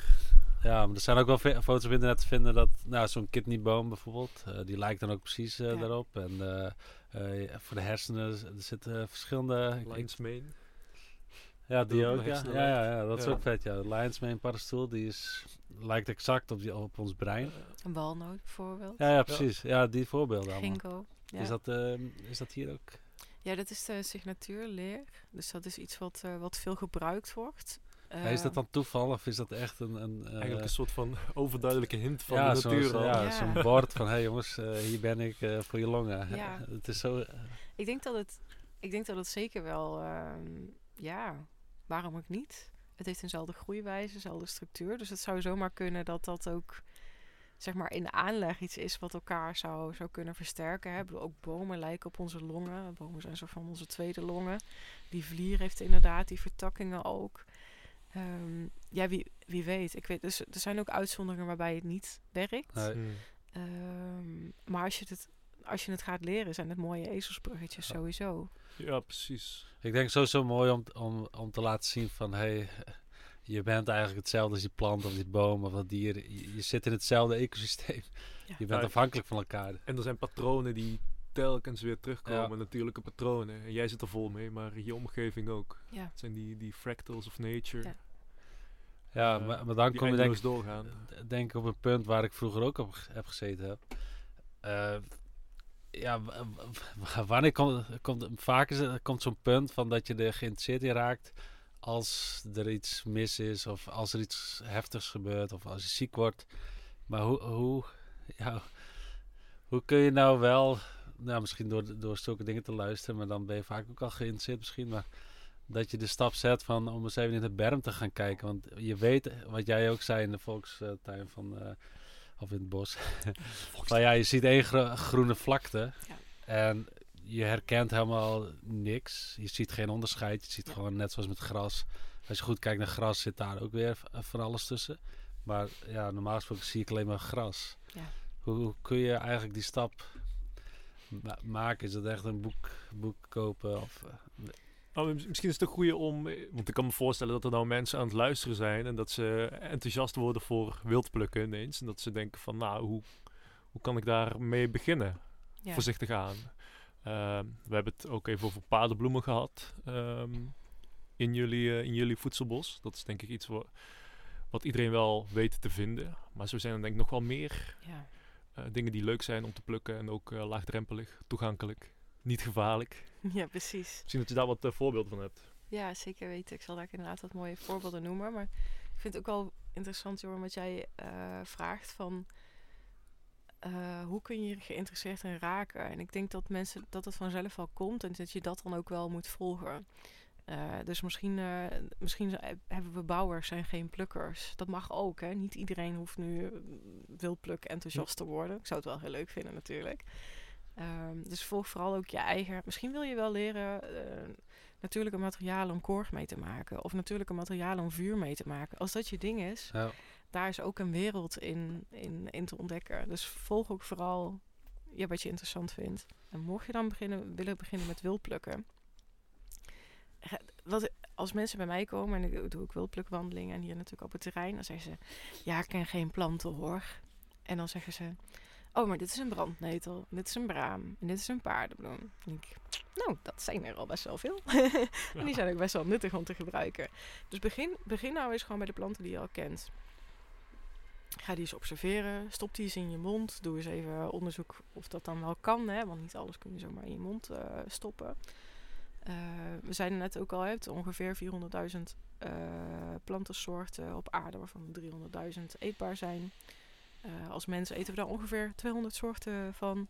En halen 50% van onze calorieën uit uh, drie van die soorten. Wat natuurlijk heel gek is. Ja. Um, en ook als we kijken naar medicijnen. Op dit moment wordt nog steeds 50% van de medicijnen die we gebruiken... wordt ofwel volledig van planten gemaakt... of worden stofjes daaruit gehaald. Uh, en gebruikt 80% van de wereldbevolking nog, nog kruiden als, als medicijn. Omdat ze dat willen of omdat reguliere uh, medicijnen niet, uh, niet voorhanden zijn. Dus vooral je daar eens te laten inspireren, te starten met wat je weet. En als je dan denkt, hm, ik wil wel verder, begin dan gewoon eens met drie tot vijf planten. Dus koop inderdaad zo'n uh, zo'n field guide, zo'n zo'n gids. die 200 eetbare planten is een hele mooie start. Ga er eens in bladeren. En denk eens van, nou, die zou ik wel eens willen zien. Of die wil ik bestuderen. Of die groeit in de buurt. Hè? Want het is wel altijd fijn als je iets hebt wat je uh, nou ja, niet dat je iets uh, redelijk zeldzaams uitkiest en vervolgens een heel mensenleven aan zoek bent naar één dat, dat plantje. En wat er dan gebeurt, uh, dan wordt dat groen wordt anders. Want op de een of andere manier, wanneer je, uh, wanneer je dus met planten aan de slag gaat en ook bewust planten gaat leren, is dat je opeens bewust wordt van waar je op moet gaan letten. Dus eerst denk je, ja, nou, ik weet het niet hoor, er zijn zoveel planten. Dit, is, dit is overweldigend, heel normaal. Klein beginnen. En dan zie je dat je op de stam kan letten, op de bladeren kan letten, op waar het groeit, de groeiwijze, de bloemwijze, de zaad, hoe het zaad vormt. Ehm, en wanneer je dat, dan gaat het exponentieel. Dan gaat je, je kennis echt exponentieel groeien. Dus een boek zou, zou een mooie kunnen zijn. En is dan is wat verder te lezen, bijvoorbeeld over, over planten die je tegenkomt. Maar ook gewoon eens doorbladeren. Mensen onderschatten een beetje de kracht van af en toe toch wel eens door zo'n zo'n boek, helemaal zo'n field guide te bladeren. Want wat er dus gebeurt, is dan heb je er doorheen gebladerd en op een gegeven moment loop je ergens langs. En dan weet je dat dat een gele morgenster is. Terwijl je nog nooit hebt geweten dat dat een gele morgenster is. Daar heb je over gelezen.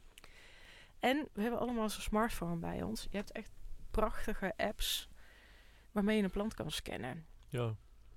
En je kan wel als een dolle al die planten gaan identificeren. Maar kies er gewoon een aantal uit. Scan die en ga er dan eens over lezen. Hoe kun je ze gebruiken? Kun je ze eten? Zijn ze medicinaal? En op die manier kun je gewoon gaan ervaren. Wat ook heel erg leuk is, is om eens een wildplukboek uh, met, met wild, een boek met wildplukrecepten uh, te kopen. Leonie Bontje heeft, uh, heeft een aantal hele mooie. Omdat je dan een soort van... Je gaat experimenteren van, oh, ik wil ehm, iets met dasloop maken. Kan ik dat vinden? Oh, dan kan ik het ook meteen eten. Je kan het wel lezen, maar als je het echt gaat... Ma maakt het nog leuker, hè? Precies. op een gegeven moment ga je gewoon je, je eigen medicijnen, je eigen verzorgingsproducten en je eigen eten zo uit de natuur halen. En dan wordt het leuk. Ja. En die app die je net noemde, je, je had er mij ook ooit een aanbevolen. Dat heet Plantnet. Ja, ik gebruik inderdaad uh, Plantnet. Maar je hebt er een aantal meer die heel erg goed zijn. Uh, ik vind zelf Plantnet heel erg fijn voor planten, bomen, struiken. Ja, dan kan je gewoon een fotootje maken. En dan... Ja. Uh, en uh, voor paddenstoelen, dat is wel iets om te benoemen. Paddenst waarbij planten, daar zijn er wel een aantal die heel giftig zijn, waar je nou ja, ook wel goed ziek van kan worden. Hè? Uh, paddenstoelen, als je daar, dat valt ook onder wildpluk. Daar zou ik wel echt even mee, mee oefenen. Niet zomaar alles in je mond stoppen. Dat is echt wel een ander, uh, ander verhaal. Maar mocht je daarmee willen, dan uh, gebruik ik Obsidentify. dat is een hele mooie voor paddenstoelen. en voor insecten. maar zo'n apps kunnen, kunnen helpen. Wanneer we wil plukken, zorg er ook altijd voor dat we meerdere bronnen hebben waarmee we toetsen of het ook daadwerkelijk wel het juiste is. Want als je per ongeluk fluitenkruid, wat eetbaar is en lekker is, verwacht met gevlekte scheerling, wat kan, want het lijkt er immens veel op. Ja, dan, dan zou je daar potentieel in dood kunnen gaan. Dat zal met kleine hoeveelheden natuurlijk niet zo snel gebeuren.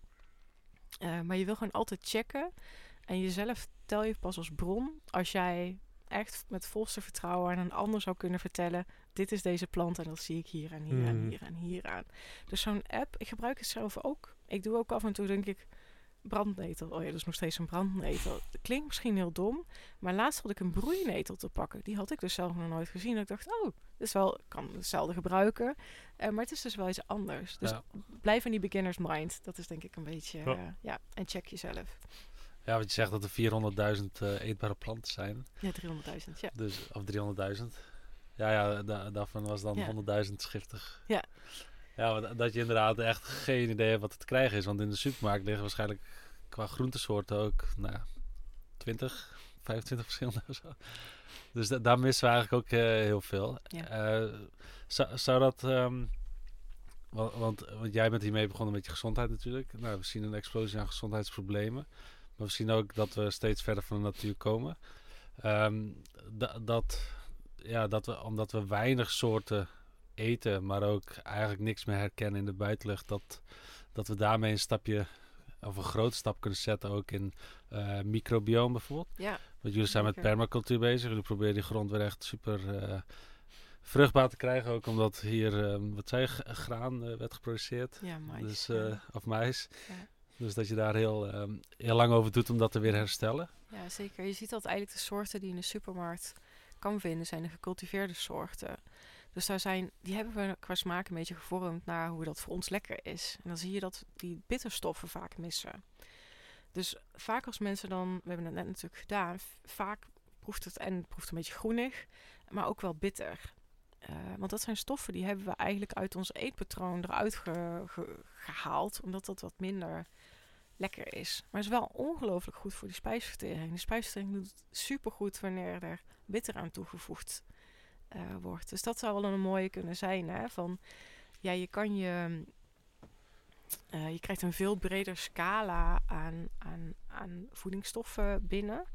Uh, ook in een andere heftigheid. Vaak uh, ja, proeven wilde planten best wel heftig. Oh. Uh, bevat veel meer vitamines, mineralen. Dus wat je ook, waarbij we een bak sla zo naar binnen kunnen werken. Er zijn maar weinig dingen die je kan wild plukken, waarbij je echt zulke grote hm. getalen, want daar krijg je gewoon last van.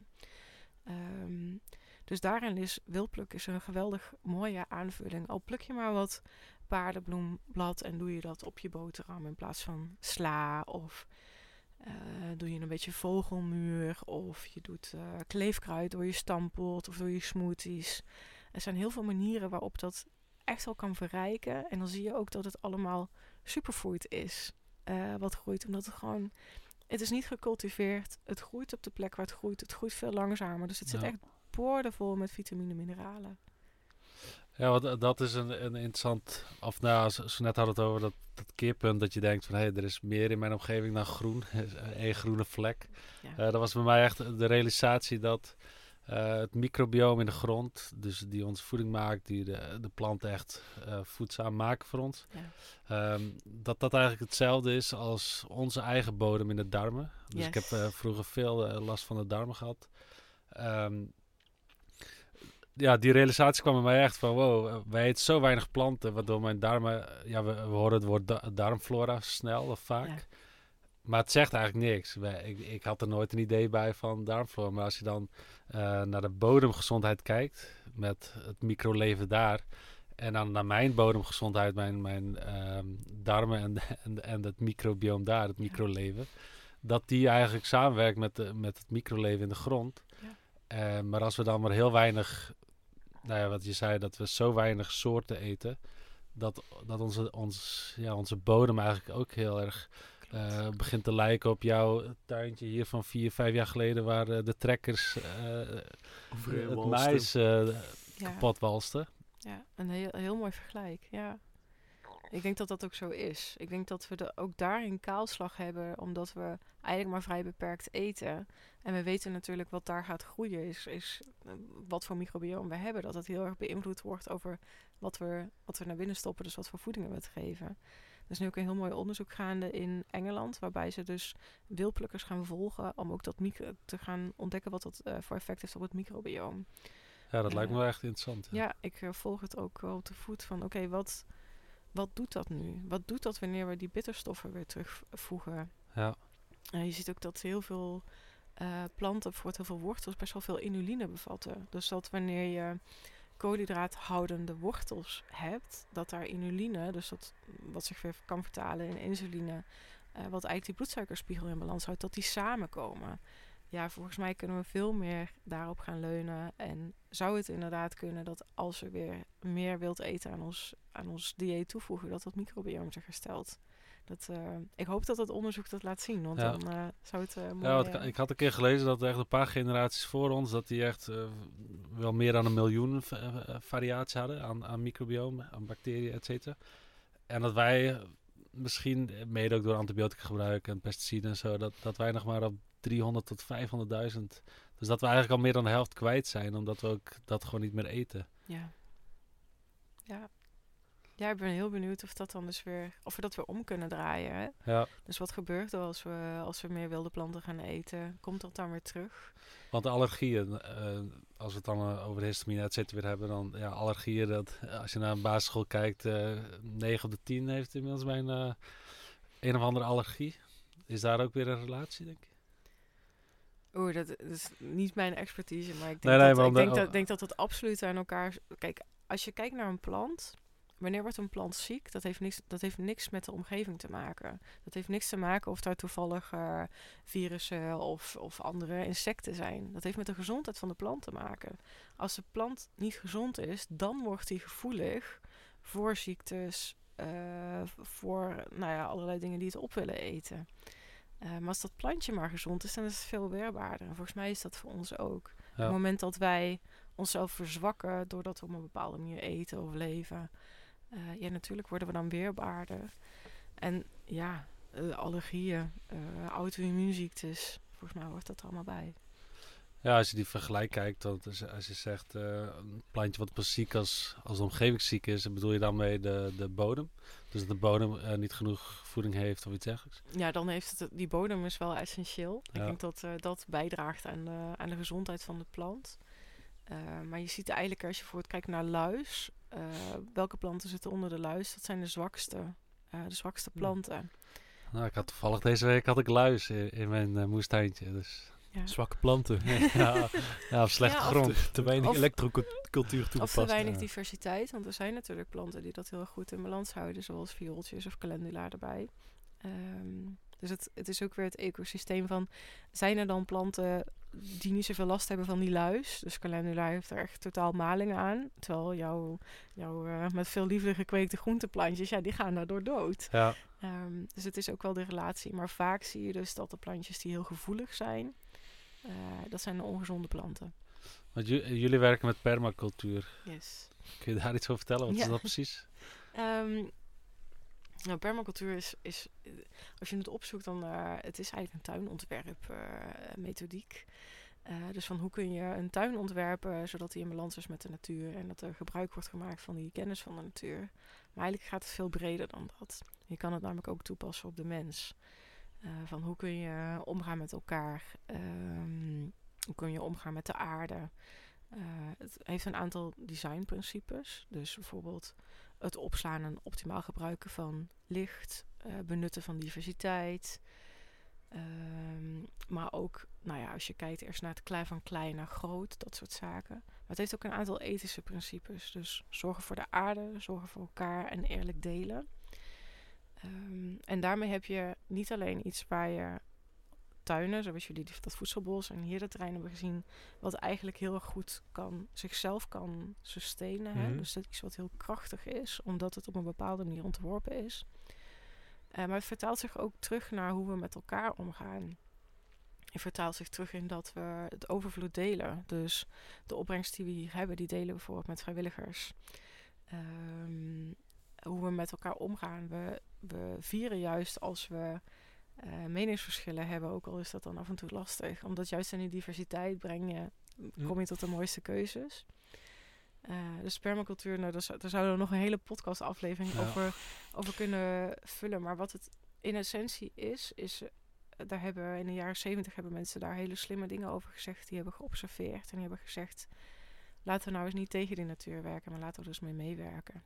En laten we die wijsheid nou eens gaan implementeren. Eerst in een tuin, uh, maar daarna ook zeker wel in de omgeving, in elkaar en hoe we daarmee omgaan. Dus het is zeker als je met een moestuin bezig bent of uh, je het interessant vindt hoe we die relatie met de natuur in, op een heel praktische manier kunnen verbeteren permacultuur is, uh, is een heel mooi vertrekpunt. Ja. ja. Ja, en dan even terugkomend op, uh, we hebben het al een paar keer laten vallen, maar we zitten hier op een prachtig off-grid terrein. Yes. Waar jullie ook jullie dome hebben staan, jullie tiny house. En die permacultuur is natuurlijk een belangrijk onderdeel van het off-grid kunnen zijn. Ja.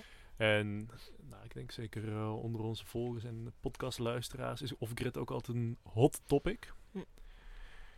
Ja, dus ja, wat, wat zijn nog andere onderdelen naast uh, die permacultuur die jullie hier echt off-grid houden? Ja. Uh, ja, permacultuur is in die zin kan daar een onderdeel van zijn, omdat je bijvoorbeeld gaat kijken naar, oké, hoe kun je nou uh, voedsel voorzien in je eigen voedselvoorziening? Jullie, zijn niet 100 jullie berusten nog niet 100% op jullie voedselvoorzieningen, toch? Nee, nee, klopt inderdaad. Dat, uh, dat is ongelooflijk veel werk. En in, ja. een, in de samenleving zoals we die kennen, waar we zorgverzekeringen hebben die betaald moeten worden, is dat lastig. We zitten best wel een groot terrein, 2,5 hectare bij elkaar. Um, dus volledig te voorzien in die eigen voedselproductie, dat lukt op dit moment nog niet. Is wel absoluut een streven. Uh, maar dat zelfvoorzienen, dat is natuurlijk iets wat heel erg populair is. Ook omdat we kijken van oké, hoe kunnen we nou loskomen van nou ja, maatschappijen die bepalen dat we op dit moment ongelooflijk veel voor ons stroom uh, betalen. Terwijl uh, we gewoon het zonnetje hebben. Ja. Dat is ook wel absoluut iets wat in de permacultuur terugkomt, maar daar ook gewoon los van kan staan. Hè? Um, dus wij zijn hier off-grid. We hebben alleen een drinkwateraansluiting, omdat ik jullie anders geen water aan zou kunnen bieden. Uh, dan uh, moet je allemaal bordjes ophangen. En dus die is blijven zitten, maar we slaan ook wel water op. dus er staan, staat hier voor 10.000 liter, dat is helemaal niet zoveel trouwens, aan de wateropvang in IBC's, wat van de daken komt. Met de aanleg van het terrein zijn, zijn vijvers gegraven. Uh, dat is enerzijds wateropslag en anderzijds is dat onze waterzuivering. Omdat we ook niet aangesloten zitten op het riool, komt daar de urine ook weer gezuiverd weliswaar in terug. Dus dat wordt aangelengd met douchewater, afwaswater um, en vloeit op die manier terug. We voorzien dus in onze eigen stroomvoorziening. Dus we hebben een, een, hele mooie set staan met zonnepanelen en een accu. Um, en een home trainer voor als het ja. allemaal op is. Precies. Oh nee, dat nog niet. Ja. Die staat op het lijstje, net als uh, een, uh, een windmolen. Want het Friese platteland heeft, uh, heeft nogal veel wind. Wat we op dit moment dus niet benutten. Um, maar je ziet dus eigenlijk dat het best wel goed kan. Het is wel, je gaat wel anders kijken. Hè? Dus wij stofzuigen bijvoorbeeld als het zonnetje schijnt. Terwijl normaal gesproken zou je dan lekker buiten zitten. Maar wij hebben dan optimale hoeveelheid stroom. Dus dan is het, oké, welke batterijen moeten we opladen? Wat moeten we nu nog doen dat veel stroom uh, kost? En dat gaan we op dat moment dan, dan ook doen. Uh, en ook de ontlasting. Dus we hebben, je hebt het gezien, we hebben composttoiletten, droogtoiletten zijn dat. Uh, waarbij je eigenlijk je gewoon je eigen ontlasting gaat composteren. Dat is een heel proces, dat moet zorgvuldig gebeuren. Ook daarin mag dat eigenlijk niet. Um, in ieder geval, daar zijn wel regels aan verbonden in Nederland. Maar eigenlijk is het gewoon een hele goede compost voor de, voor de bomen. Hm.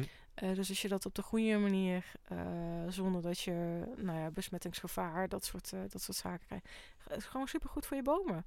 Dus aan de ene kant ben je dure compost aan het kopen bij het tuincentrum, waar ja. turf in zit, wat absoluut niet goed is voor de natuur. En we spoelen onze ontlasting weg met drinkwater. Um, weet wel, kan anders. Ja. Um, maar dat was wel echt afhankelijk van je dieet ook en uh, wat voor ja. medicijnen je neemt. En, uh, ja, klopt. Als iemand aan antibiotica zit, betekent dat dat de bacteriën die eigenlijk voor het afbraakproces zorgen, stil worden gelegd, waardoor je ook dat afbraakproces uh, niet hebt. Um, niemand weet precies, ja, we weten wel mensen precies hoe dat zit. Er is best wel veel ge geëxperimenteerd. Je hebt ook een heel erg mooi boek, Humanor. Dat gaat dus helemaal over menselijke compost. Ehm, waarbij heel veel van dit soort principes wel worden begrepen, besproken. Wij zijn ook wel een beetje van het experimenteren. Dus als mensen niet dik aan antibiotica zitten, ja, dan kan het gewoon. Dus hmm. ja. En, en ook um, het, het, um, het maken van energie uh, met poep. Ja. Dat, uh, daar is Bill Gates ook veel mee bezig in, uh, in Afrika. Dat ontlasting gebruik voor energie opwekken. Ja. Gebruiken jullie dat ook? Er zijn wel principes waar we in geïnteresseerd zijn, maar ge gebeurt op dit moment niet. Is in het verleden wel geprobeerd. Hier um, naast het gebouw staat een biomiler. En een biomiler is een, een compostsysteem waarin een uh, buis met, uh, moet ik het wel goed zeggen? Volgens mij is het een buis met water eigenlijk rondgecirculeerd wordt. Omdat compost gaat broeien. Ja. En dat is energie en die energie laten we in principe nu verloren gaan. Maar dat is meestal... Warmtevrij. Ja, ja, dus daar is maar dat, eh, die afbraak, nou, normaal kan het tien jaar meegaan. En hier was eigenlijk al binnen een jaar was de warmte opbrengst was, uh, was een heel. Dus je zou hmm. in principe, dus met je eigen poep of compost, je tuinafval, als je er slim niet warmte terugwint, zou je water bijvoorbeeld op kunnen warmen. Dus dat zijn biomilers, zijn uh, systemen die, daar, die zich daarop berusten. Ja. En, en dit terrein heet het Vrijlaan. Ja. Dat is Fries voor het vrije land. Ja. Uh, had je echt het idee dat je niet in een vrij land woonde? Of, of is dit echt een ja, vervolgstuk op, op um, dat je graag in de natuur wilde zijn? Of heeft, heeft, heeft het toch een beetje te maken dat, dat je niet anderen wilt laten bepalen hoe jij leeft? Of, of zit mm, dat er helemaal niet bij? Ja, zeker weten wel. Uh, ik dacht eerlijk gezegd dat dit in Nederland niet, uh, niet kon. Nee, dat, uh, dat, dacht ik ook. Ja, ja we hebben gekeken. We, nou ja, we stonden eigenlijk op het punt om uh, te emigreren. dus sorry moeder. weet al, als iets zouden rijden. ja, dat weet ze nog niet. Ja, ja, dus, um, Welk land zou het worden? Finland. Oké. Okay. dus Friesland is een stukje dichter, dichterbij. Lijkt wel op elkaar, Finland, Friesland. Ja, precies, precies, ja. Finland is niet om de hoek, nee. Nee, precies. En helemaal in Nederland hebben we dat, dat verschrikkelijke bouwbesluit. Wat uh, gewoon maakt dat we uh, dat ook onze huisjes aan allerlei eisen moeten voldoen. Wat heel slim is, hè? Want dat maakt dat we niet in gekke hutjes op de hei, wat on onveilig is. Hutje op de hei is goed, maar onveilige hutjes wonen. maar dat beperkt ons wel in een bepaalde creativiteit van, van bouwen, wonen en leven. En het mooie van dit project, en dat is een van de weinige projecten in Nederland, is dat losgelaten. Dus wij zitten niet aan water, we zitten niet aan 220. Uh, eh, en we mogen ook experimenteren met dat bouwen. Dus dat hoeft niet een huisje op wielen te zijn, wat hieraan moet voldoen, zoveel sta-oppervlak. Dat hebben we losgelaten. Uh, samen met de gemeente. En de gemeente en ook de provincie vinden het heel erg interessant van oké, wat gebeurt hier nu? Hè? Kan dit? Uh, wordt het geen bende? Uh, wat voor alternatieve woonvormen zijn er nog allemaal? Dus zij vinden de ontwikkeling heel erg interessant. Maar waarom ik, ik... Ik wilde dit gewoon. Ik wilde gewoon kijken van hoe... Hoe, hoe dicht met de natuur kun, kun je leven... Uh, zonder dat je een soort van hippie wordt die niks meer van, de, van de wereld meekrijgt. Um, en ik vind het gewoon ongelooflijk. Laatst was er een grote stroomstoring in Leeuwarden. Daar hebben wij niks van meegekregen. dat is hilarisch. Ik vind het echt, ik vind het echt fascinerend. En ook als de water... Oké, we hebben wel drinkwater, maar stel waterdruk zou wegvallen. In principe zou de hele wereld tot stilstand komen. Kunnen wij tot een hele grote mate gewoon nog door.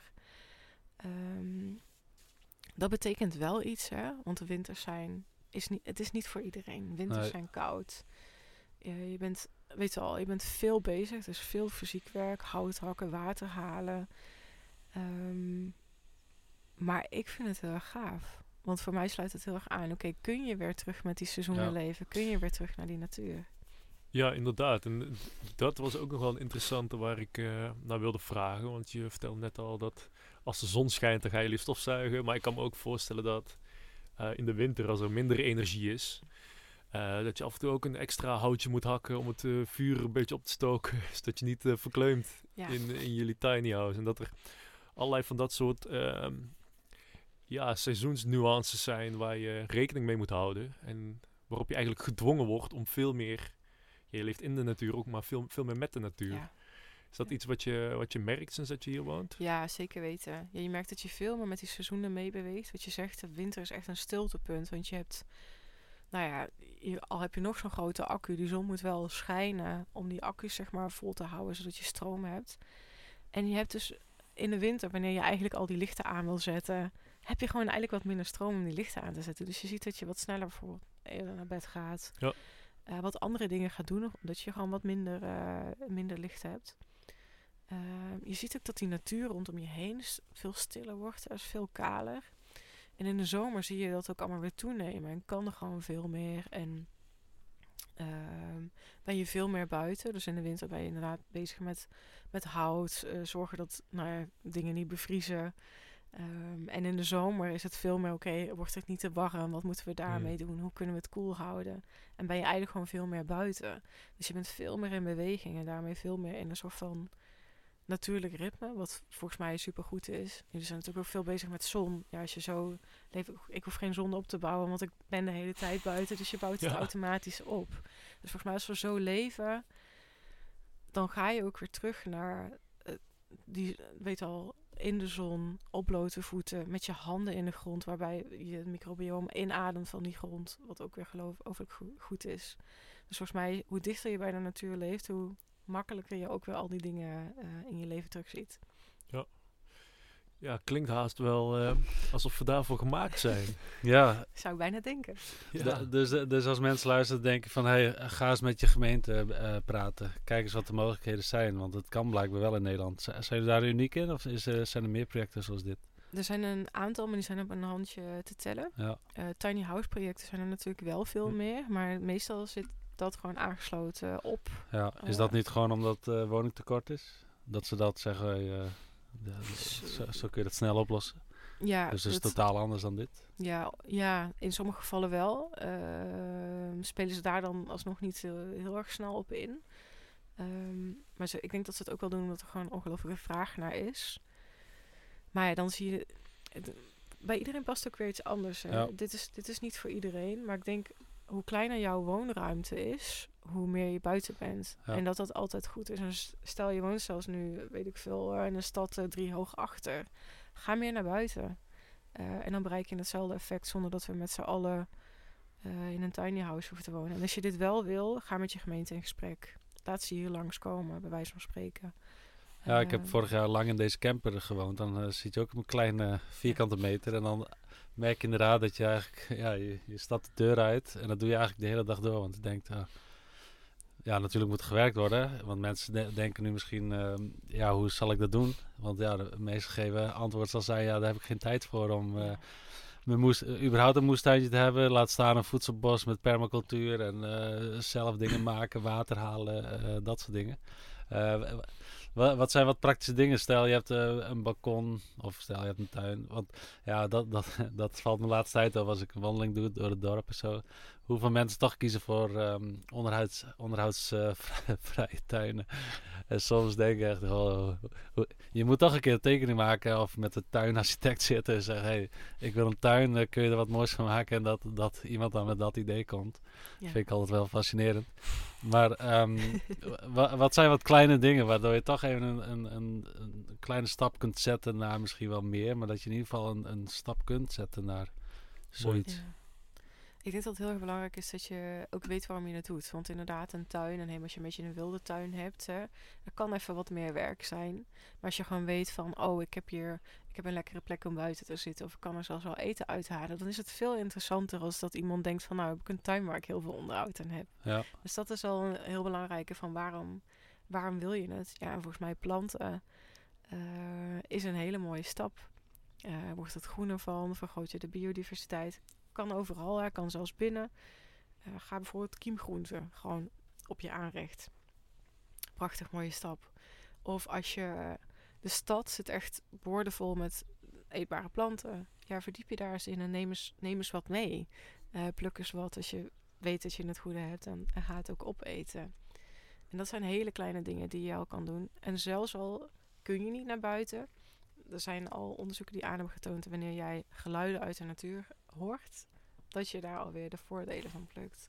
Dus wat is de kleinste stap die je kan nemen? Is dat geluiden opzetten? Is dat een tuintje starten? Is dat die wildplukwandeling? Uh, er zijn heel veel manieren om te beginnen. Dus eigenlijk komt gewoon weer terug op... Uh, nou, je begon het verhaal ook met uh, mindset. Dus in het, in, in het bos slapen is ook een deel mindset. Dus dat, dat je een beetje voelt dat je leeft. Maar ook met dit. Dus in plaats van dat je denkt, wow, een moestuin is veel werk. Dat je hem omdraait van, uh, ja, wat kun je eruit halen? Nou ja, ik ben dit jaar dan zelf begonnen met de moestuin. En ja, het is gewoon fascinerend. Dat, want omdat je een beetje focus legt, oké, dit is mijn stukje grond, wat ga ik ermee doen? Dan gaat er in één keer een wereld voor je open. Ja. Echt, uh, ja, je, je kunt het zo gek niet bedenken of uh, de moestuinwereld is enorm.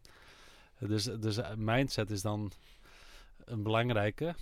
Maar ja, hoe ga je van Netflix naar iets op je balkon groeien of in je tuin? Dat lijkt me ja, een, een moeilijke switch. Dat, dat is het ook, hè? Want het is ook, je, je hebt je energie en je aandacht maar één keer uit te geven. Maar als je weet waarvoor je het doet, en als je dan bijvoorbeeld ook weet dat, stel je begint al met die moestuin en je weet dat wanneer je voor je schoenen uitdoet of je met je handen in die grond zit, dat het weer extra gezondheidsvoordelen heeft. Dat je je beweging hebt.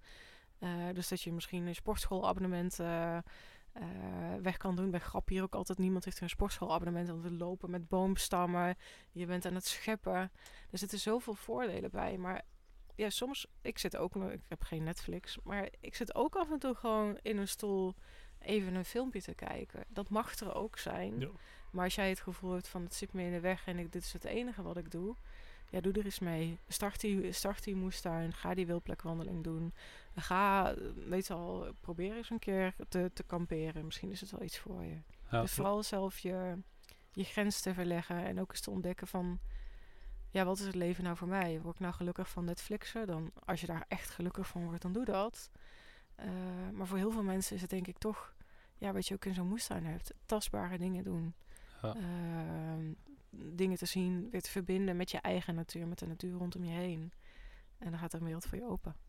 Maar het is ook wel knap dat jij kan denken van, eh, ja, het hoeft niet leuk te zijn om uh, toch leuk te zijn of zo. Dat, dat ja, in, in het bos slapen is niet per se altijd leuk, maar na de tijd eigenlijk wel. Ja. Ik toe.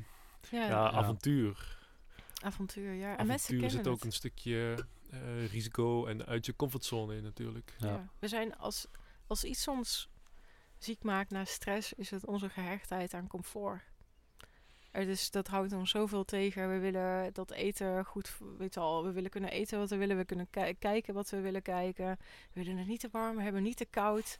Terwijl we zijn als mens gemaakt om te kunnen overleven in de woestijn en op de Noordpool.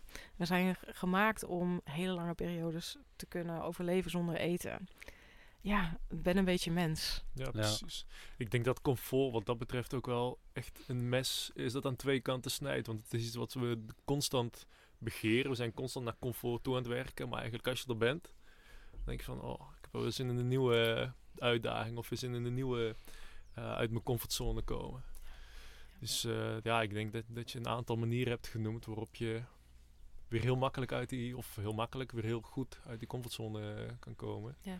En daarmee ook nog uh, dichter bij de natuur en bij jouw ja. natuur. Ja. Ja, maar, maar dat je ook echt voelt dat het plezier na de tijd eigenlijk denk wow, eigenlijk was, was het best wel kloten. ja. maar ik kijk er met veel plezier op terug, dus ik wil nog iets en dat dat een beetje zo'n ehm, sneeuwbaleffect heeft. Ja, het is net als sporten. De, de meeste mensen hebben geen zin om te gaan sporten. En als je het dan aan het doen bent, dan is het, dan is het best wel weer lekker. Hè? Dan kan het ook wel fijn zijn. En naar de hand denk je, wauw. En dat is met dit soort dingen ook. Ja, ik, ik heb dan uh, Marathon van Rotterdam gelopen, ongetraind, een paar weken geleden. Nou, dat was ongelooflijk kut natuurlijk. Oh, mag, ik dat zeggen? Heel erg vervelend. Dat was heel vervelend. Het is jouw podcast, jongen. Jij mag het zeggen. Oh, ja. maar, maar dat was eigenlijk helemaal niet leuk, nee. Maar nu heb ik zoveel plezier van. We hebben toch geen sponsoren. Dus. nee, dat is ook zo. Nee, maar dat ik echt nog... Ja, als ik er nu al terugdenk, eh, geeft me ongelooflijk veel plezier. Alleen op dat moment, ja... Ja. Ja, er zit veel plezier in te ontdekken wat je allemaal kan. En, daar ook in, in, te groeien. En dat is gewoon ook gaaf op een moment. En het kan ook gewoon super lekker zijn om nou ja, ik weet niet of het lekker was om ongetraind zo'n marathon te, te, rennen. Maar om een marathon te rennen kan, kan ongelooflijk gaaf zijn. Of een nacht buiten te zijn. Je kan heel veel plezier hebben in dat moment. Ja, um, nou, het bizarre in dit, dit, was ook nog dat het mij, uh, mijn blessures heeft genezen. Want ik ging, er, ik ging dus ongetraind in omdat ik een blessure had. maar na de tijd was het gewoon weg. Dus het, ja, dat is ook zo bizar. Dat het misschien toch die mindset daar toch ook iets heeft geheeld. Ja. Ja, en te beseffen dat we dit kunnen. We kunnen als mens gewoon ongelooflijk grote afstanden rennen. Sterker nog, als mensen waren we niet de snelste. Als, als we teruggaan naar jager-verzamelaar tijdperk. De manier waarop wij uh, beesten vingen was door ze gewoon eruit te lopen. Gewoon te blijven lopen. Niet als snelste, maar omdat we als langste konden lopen. Ja, hoe gaaf is het als je dat gewoon weer kan? Ja. Nou, dan... Um, ik weet niet of jij nog prangende vragen hebt, uh, Johan. Uh, nou, niet prangend. Ik heb al mijn prangende vragen wel afgevuurd op Sanne. Ik denk dat, uh, ja, dat ze een enorm mooi beeld heeft laten zien van, ja, van de mogelijkheden die er zijn om weer terug de natuur in te gaan. terug met de natuur te verbinden. wat je hier ehm, zoal zou, zou kunnen gaan plukken, zou kunnen gaan doen in de natuur. Um, en mochten mensen na het luisteren van deze podcast nog steeds zoiets hebben van, oh, ik vind het spannend om dat uh, nu te gaan doen. Um, kunnen ze natuurlijk ook bij jou terecht. Want je hebt de, een Instagram waar je veel post, veel over deelt. Zijn er nog andere plaatsen waar mensen jou kunnen vinden of jou eventueel zouden kunnen bereiken voor hulp? Ja, uh, ja, via de, mijn Instagram natuurlijk, uh, at ja. Running with Sheep. Rennen met schapen. Ja. Rennen met schapen, ja. Precies. Kunnen mensen uh, me sowieso vinden. En daarmee kom je ook bij, mijn, bij mijn bedrijf terecht en mijn podcast. waarin ik af en toe wat dieper inga op onderwerpen. En waar mensen kunnen vinden op mijn website waar ik aanbied. Dus je kan met mij de natuur in of ik kan je begeleiden op afstand. En ik ga ook weer wat met, met groepen mensen doen. Ehm, dus ja, voel je welkom om een keer mee te gaan. Super. Nou, dan uh, willen we jou bij deze hartelijk uh, bedanken, Sanne, voor het uh, verhaal en alles wat je met ons gedeeld hebt. En natuurlijk de luisteraar ook enorm bedankt voor het luisteren naar deze podcast. En we spreken jullie bij de volgende. Zo, dat was hem weer voor vandaag. Top dat je bent blijven hangen tot het einde. Je hebt alles kunnen horen over de manier waarop Sanne haar verbinding met de natuur heeft teruggevonden en zelfs versterkt heeft.